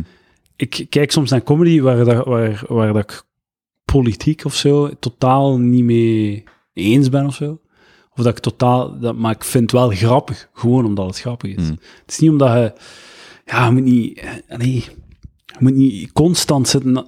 eh like dat een, van mijn gasten het zei, attitudes coördineren. Hm. Je mocht ook gewoon... Jij denkt dat en ik denk dat, of zoiets. Allee, Ja, ik weet niet. Ja, en jij zei dat er straks voor we opnamen. ehm, het is ook niet zo. We kijken. allee, ik vond dat eigenlijk heel interessant. Ik had er zo niet over nagedacht. Het is ook niet omdat je met twee babbelt dat de ene gelijk heeft en de andere ongelijk. Ze kunnen Ja. ook alle twee fout ja, zijn. voilà. Je, je moet geen kant, ka- kant Ja. kiezen. Dat is zo, in onze media wordt altijd zo, in onze cultuur, en met cultuur bedoel ik zo, ja, sociale cultuur, is van, je moet een kant kiezen. Ofwel is Dries van uh, Langenhoven de duivel, ofwel is hij de redder des Hmm. vaderlands. Maar het kan ook gewoon dat Dries een fucking zot is en dat die een journalist van Pano of dat de media hem keihard heeft te kakken gezet. Hmm. Die twee dingen kunnen tegelijkertijd waar zijn. Dat kan een zot zijn en hij kan slecht behandeld zijn. Dat, dat hoeft niet, je moet niet kiezen. Je kunt ze alle twee shit vinden. Ja, wat, wat we zeiden, hè, die, die, die ingesloten dingen op de website van de VRT. Het kan perfect zijn dat Dries liegt. Het kan ook perfect zijn dat de VRT liegt. Hè. alle twee ja. tegelijkertijd aan het liegen Ja. zijn. Iedereen kan shit zijn tegelijkertijd. En niemand verplicht u om kant te kiezen. Je kunt, er is altijd iets dat je niet weet. Er is altijd een perspec- perspectief dat je mist of zo. Ja, maar ik wil ook wel soms merken, nu, dat valt heel goed mee, want ik heb ook geen honderdduizend luisteraars of zo, maar ik merk dat soms mensen de indruk hebben dat, omdat ik zwijg, of niet erop inga, dat ik er dan mee akkoord ga. Maar dat is zo, nee hè. Ja, dat is niet waar. Het is niet omdat iemand iets zegt en ik ga daar niet op in, dat ik daarmee, daarom daarmee akkoord ga. Ja, hè. ja. Integendeel. Het, het, eh, wat dat je ook doet, wat, eh, het is ook waardevol, want je creëert een soort van, wa- wat, dat, je- wat dat je dan doet bij Dries van Langenhoven, je creëert een soort document, Ehm, bijna een historisch document Hmm. of zo, die dan online staat. En u, het feit dat jij u niet opdringt, is net heel waardevol, omdat je hem gewoon laat, je laat hem doen. En dat is dus als document heel interessant. Want als je je afvraagt, wat dacht wat ging er om in Dries van Langenhoven zijn hoofd? Ik weet niet, zes maanden nadat dat gebeurd is of zo, Hmm. ik weet niet wat dat was. Kijk naar dat, dat, naar, kijk naar, luister naar dat interview. Dat is op zich al, eh, vind ik al zeker interessant. Het mooiste compliment denk ik dat ik ooit heb gekregen, nee, ik denk dat ik dat zelf verzonnen heb. Ik denk niet dat iemand dat... dat is het meest narcistische dat ik ooit heb. ja, Eh, het mooiste compliment eh, dat ik ooit heb gekregen. Ah nee, dat is iets van, dat ik van mijn eigen vind. nee, ik denk, ja, ik denk niet, ja... ja Nu wil ik het wel horen. eigenlijk. Nee, maar nee, misschien was het dan zo dat ik dacht dat zou een heel mooi compliment zijn, of het mooiste compliment als iemand dat zou zeggen. Maar nee, nee dit, ik heb dit zelf verzonnen. Ja, ja, ja. Nu, nu moet het op tafel Ja, natuurlijk. Nee, maar het valt wel goed mee. Maar, maar wat, ik, wat ik dacht is, als iemand zou zeggen, uw, uw podcast of uw aflevering, uw gesprekken zijn de gesprekken die door biografen gebruikt worden. Ah, bijvoorbeeld. Dat zou ik heel Ah, cool vinden. Dat iemand is zegt, cool, ja. al die eh, explosieve gebabbels, Ja. de Kathleen Koolse en Ja, ja. Dat, dat, dat kijk je, maar dat is een boxmatch. Hè? Dat is niet, dat is niet informatief. Nee, nee, nee. Dat, is, eh, dat is leuk. Allee, leuk als in, ze gaan Nee, met maar elkaar door het stelt meer vragen dan dat Ja, het eh, voilà, voilà. antwoord. En dan denk ik, als dan iemand tegen mij zou zeggen, ja, er heeft nooit iemand dat gezegd, maar als iemand dat zou zeggen van, dat van u, wacht, Zeg maar, Kobe, ik moet wel zeggen dat van u. Hè? ik vind toch, hè, Nee, er een zijn- dag, hè, er zijn, als mijn biografie geschreven wordt, gaan ze dan in een show van luisteren. Eh, zalig.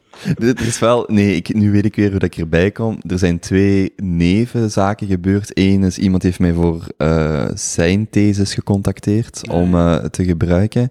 En een andere journalist zei eens, ik gebruik uw podcast om mij voor te bereiden voor de Ah, ik moet iemand gaan spreken en ik gebruik uw podcast als voorbereiding. Zo, zo was het. En toen dacht ik, oké, een journalist en een student, fijn, maar zo'n biograaf, omdat ik hier, Ja, mijn boekenkast staat vol met biografieën, en ik denk, een biograaf zou ik wel heel cool Dat is vinden. een eerste, een eerste bron, hè. Alleen een, een, directe getuigenis, Ja. denk ik, hè. Ja. Een bekentenis bijna. En wat, je ook, wat ik ook heel graag doe, ik, dus ik heb hier wel eh, een paar boeken staan, maar ik heb zo één boek, dat is van een eh, Amerikaans journalist in de jaren dertig in eh, Duitsland als correspondent, ik denk voor de New York Times zat. Dat boek staat achter u, maar die heeft van voor, op de cover, een gigantisch hakenkruis. Je ziet, het is die boek, maar ja, je ziet de cover niet. Ja, ja, Maar er ja. staat dus gewoon een, een gigantisch hakenkruis op. En Een keer, een keer uithalen, zonder u... Nee, ik ga je pot vaas. omver. Ik ga het Ja, niet maar pak ga maar nee, ik ga het verkloten. Nee, pak Gaat- die pot gaat- even weg. Maar het is een cadeautje geweest van... Ah ja, voilà. je kunt hem eens, je kunt hem eens in beeld tonen. Dus wat ik dan graag Ah, voilà. doe... Oh, shit, man. Ja, wat ik dan graag doe is... Je hebt dan al die boeken en dan zet ik dit gewoon ergens heel... Dat het heel hard opvalt. En dan gewoon observeren hoe reageren mensen. Ja, maar natuurlijk, dat- dames en heren, dit is de literatuur die de interviewer van Dries van Langenhoven bezigt. Maar dat is, dus, dat is dus het dagboek van die gast die Ja, dus bericht ja. over hoe dat het eigenlijk escaleert. Is super... Clickbait, hè? Clickbait. super ja, als je dit nu als, als thumbnail... Oh my god, alsjeblieft zeg. Kom in een rijtje terecht. Ja, Dries van Langenhoven, Edouard de Pre, Theo Frank. Maar ik vind, ik vind zo van die, van die kleine dingen wel heel leuk om zo snel te merken van, wat is zo... Dat is gelijk iemand zijn Twitter open doet en gewoon direct ziet, waar steken die heel veel tijd in? En is dat constant kakken op alles en iedereen, of is dat... Twitter is zo... oh. Hm. Maar zelfs met die YouTube-comments, hè? Ja. Hoe is dat? dat is zo, ja... Vaak heel, heel eenzijdig. Ja, zat. Ja. hm. Nee, ja, het is... ehm, Hoe zijn, hoe, zijn we, hoe, zijn we met, hoe zijn we na anderhalf uur gekomen met een boek met een Ja, ja, ja. swastika op de tafel? jaren dertig, hè. Ze zijn terug. dat zeggen ze toch, hè. Ze zijn terug. Ja, Ja. Eh, Ehm, dit is ideaal om stukjes uit te knippen, bedenk ik mij net. Highlights. inderdaad, dat kunnen, kunnen direct... Eh, kunnen direct... Nee, ja, ik vind... eh, ik, eh, ik zou het niet kunnen. Mensen interviewen. Voilà. Ja. Maar ik zou het dan weer heel moeilijk hebben met keer zoveel van mijzelf daarin te steken. Ja. Want je, eh, of laatst vroeg iemand mij van, waarom draait je de rollen niet zo? Geef jij ze in? Ah, ik zal je wel komen spreken op je podcast. Ik zeg, ik doe dat niet. Ik wil niet over mijzelf babbelen. Eh, Ja, maar jawel, jawel. Maar ik zeg, nee, ik heb, daar geen, ik, heb daar, ik heb daar op dit moment geen interesse in. ja. En soms, vaak zijn de beste vragen, de vragen waarvan je denkt, shit, als die die vraag nu zou terugkaatsen, ik zou echt ofwel beginnen, ja, of zoiets heel Ja, emotioneels ja, of zo, of waar je weet waar je het heel moeilijk mee hebt. Dat zijn vaak de leukste onderwerpen, omdat dat heel, dat zo beetje de, afgrond langs je, dat je zo denkt van, fuck, ik weet, niet, ik weet niet wat ik erop zou antwoorden. Dan kun je die aan iemand anders stellen, die vraag, en je moet Ja, zelf ja. niet antwoorden. Dat heb ik ook al gedaan, zo'n vraag stellen aan iemand die antwoordt dan, en dan vragen ze dat terug en zeggen ze, "Ah, dat zijn uw zaken niet. Ik ga daar toch niet op antwoorden, zijn zot? Wat is dat nu voor een vraag? Ik durfde. Waarom zou ik daarop antwoorden? Zijn zot? Ja, ja. We hebben zo, we hebben zo'n spelletje, Askol, van die toffe vragen om met vrienden te spelen. En er is één vraag. Ehm, zou je liever, hè, dus mannen en vrouwen moeten het geslacht dan gaan omdraaien. Maar als ik de vraag aan u stel, zou de vraag zijn, zou je liever uw vriendin in het lichaam van uw moeder, eh, eh, zou je liever seks hebben met uw Oh vriendin in het lichaam van uw God. moeder, Jesus. of uw moeder in het lichaam van uw vriendin? Ah, En wij zijn op de podcast aan het babbelen. en- waarom? Ik ga dat wegdoen trouwens. Ik, het is... Dus nee, ik zou dat ook wegleggen. en dus, en dus ene, dus Benjamin op die podcast zegt hij, ja, daar is toch maar één antwoord op. En een andere zo, ah ja, vertel meer, vertel meer. En zo, daar is geen goed antwoord nee, op. nee, nee, er je is kunt geen- alleen verliezen. Ja, dat is echt en- enkel verliezen. Een andere versie daarvan is... ehm eh, zou je seks hebben met je nicht, maar niemand komt het ooit te weten? Hmm. Of zou je geen seks hebben met je nicht, maar iedereen komt het te weten? Wacht, wat komt iedereen te weten? Dat je seks hebt gehad met je nicht. Ah, zo. Dus iedereen denkt dat je seks hebt gehad met Ja, ja, ja. Ja, ik weet toch waar ik intuïtief op antwoord. En dat is Ja, dat ga ik niet zeggen. seks met je nicht dus. Mijn antwoord was, denk ik, ehm, geen seks met mijn nicht. En iedereen denkt dat ik zeg, seks heb, me- heb gehad met mijn nicht. Hmm. Want als ik effectief seks heb met mijn nicht, is dat de moeite niet, want niemand kan het te weten komen. Je kunt er niet eens mee stoef. Mm. Dat is eigenlijk een mopje. Dames en heren, Mm. Ik heb er dus niet ernstig op geantwoord, maar Kobe wel. Ik heb er niet op geantwoord. Sommige vragen zijn niet voor een podcast. Voilà. Ehm, ja. Dat was een leuke introductie in... de podcast over de podcast. Ja, eigenlijk wel. Ja. Ik, eh, ik, ik zei al, dat je werd denk ik een kwartier of een half uur binnen. Ik zei, ik vind het superleuk om je te leren kennen. Ik ook. Ah, ja. gelijks. Ja. Aangenaam. Ehm, Een leuke namiddag. Een goede zaterdagmiddag. Ja. Namiddag. nu gaan we nog ergens een koffie drinken of zo. Ik ehm, wens u veel programmeerplezier Dank u. in 2020. Dank u. Veel podcastplezier Ja. voor u ook. En eh, ik hoop, want ik ben nu benieuwd hoe dat het hier zelfs gaat klinken, maar ik ga je de wonderenwereld van Auphonic tonen. Ah, zalig. Ja. En, eh, voor iedereen die een podcast Kijk wil naar maken, Auphonic Multitrack en uh, Amuserie. Waar kunnen mensen u vinden, volgen? Pff, at de Predoir op Instagram en dan luister naar mijn podcast Palaver. En Op patreon.com Ja. slash Maar Paul. ja, luister gewoon naar Palaver en als je dat goed vindt, kun je dan nog altijd overschakelen naar Patreon. Oké, en 14 maart is een datum om naar uit te Voilà, kijken. als je gratis vat wil in Gent, Ik ga, niet, dat toch opzeggen. dan moet je misschien gewoon rechtstreeks naar patreon.com slash palaver gaan. Alright. Edouard, merci. Voilà. Dank u. Succes nog. En eh, ja, tot de volgende. Tot de volgende. Dag.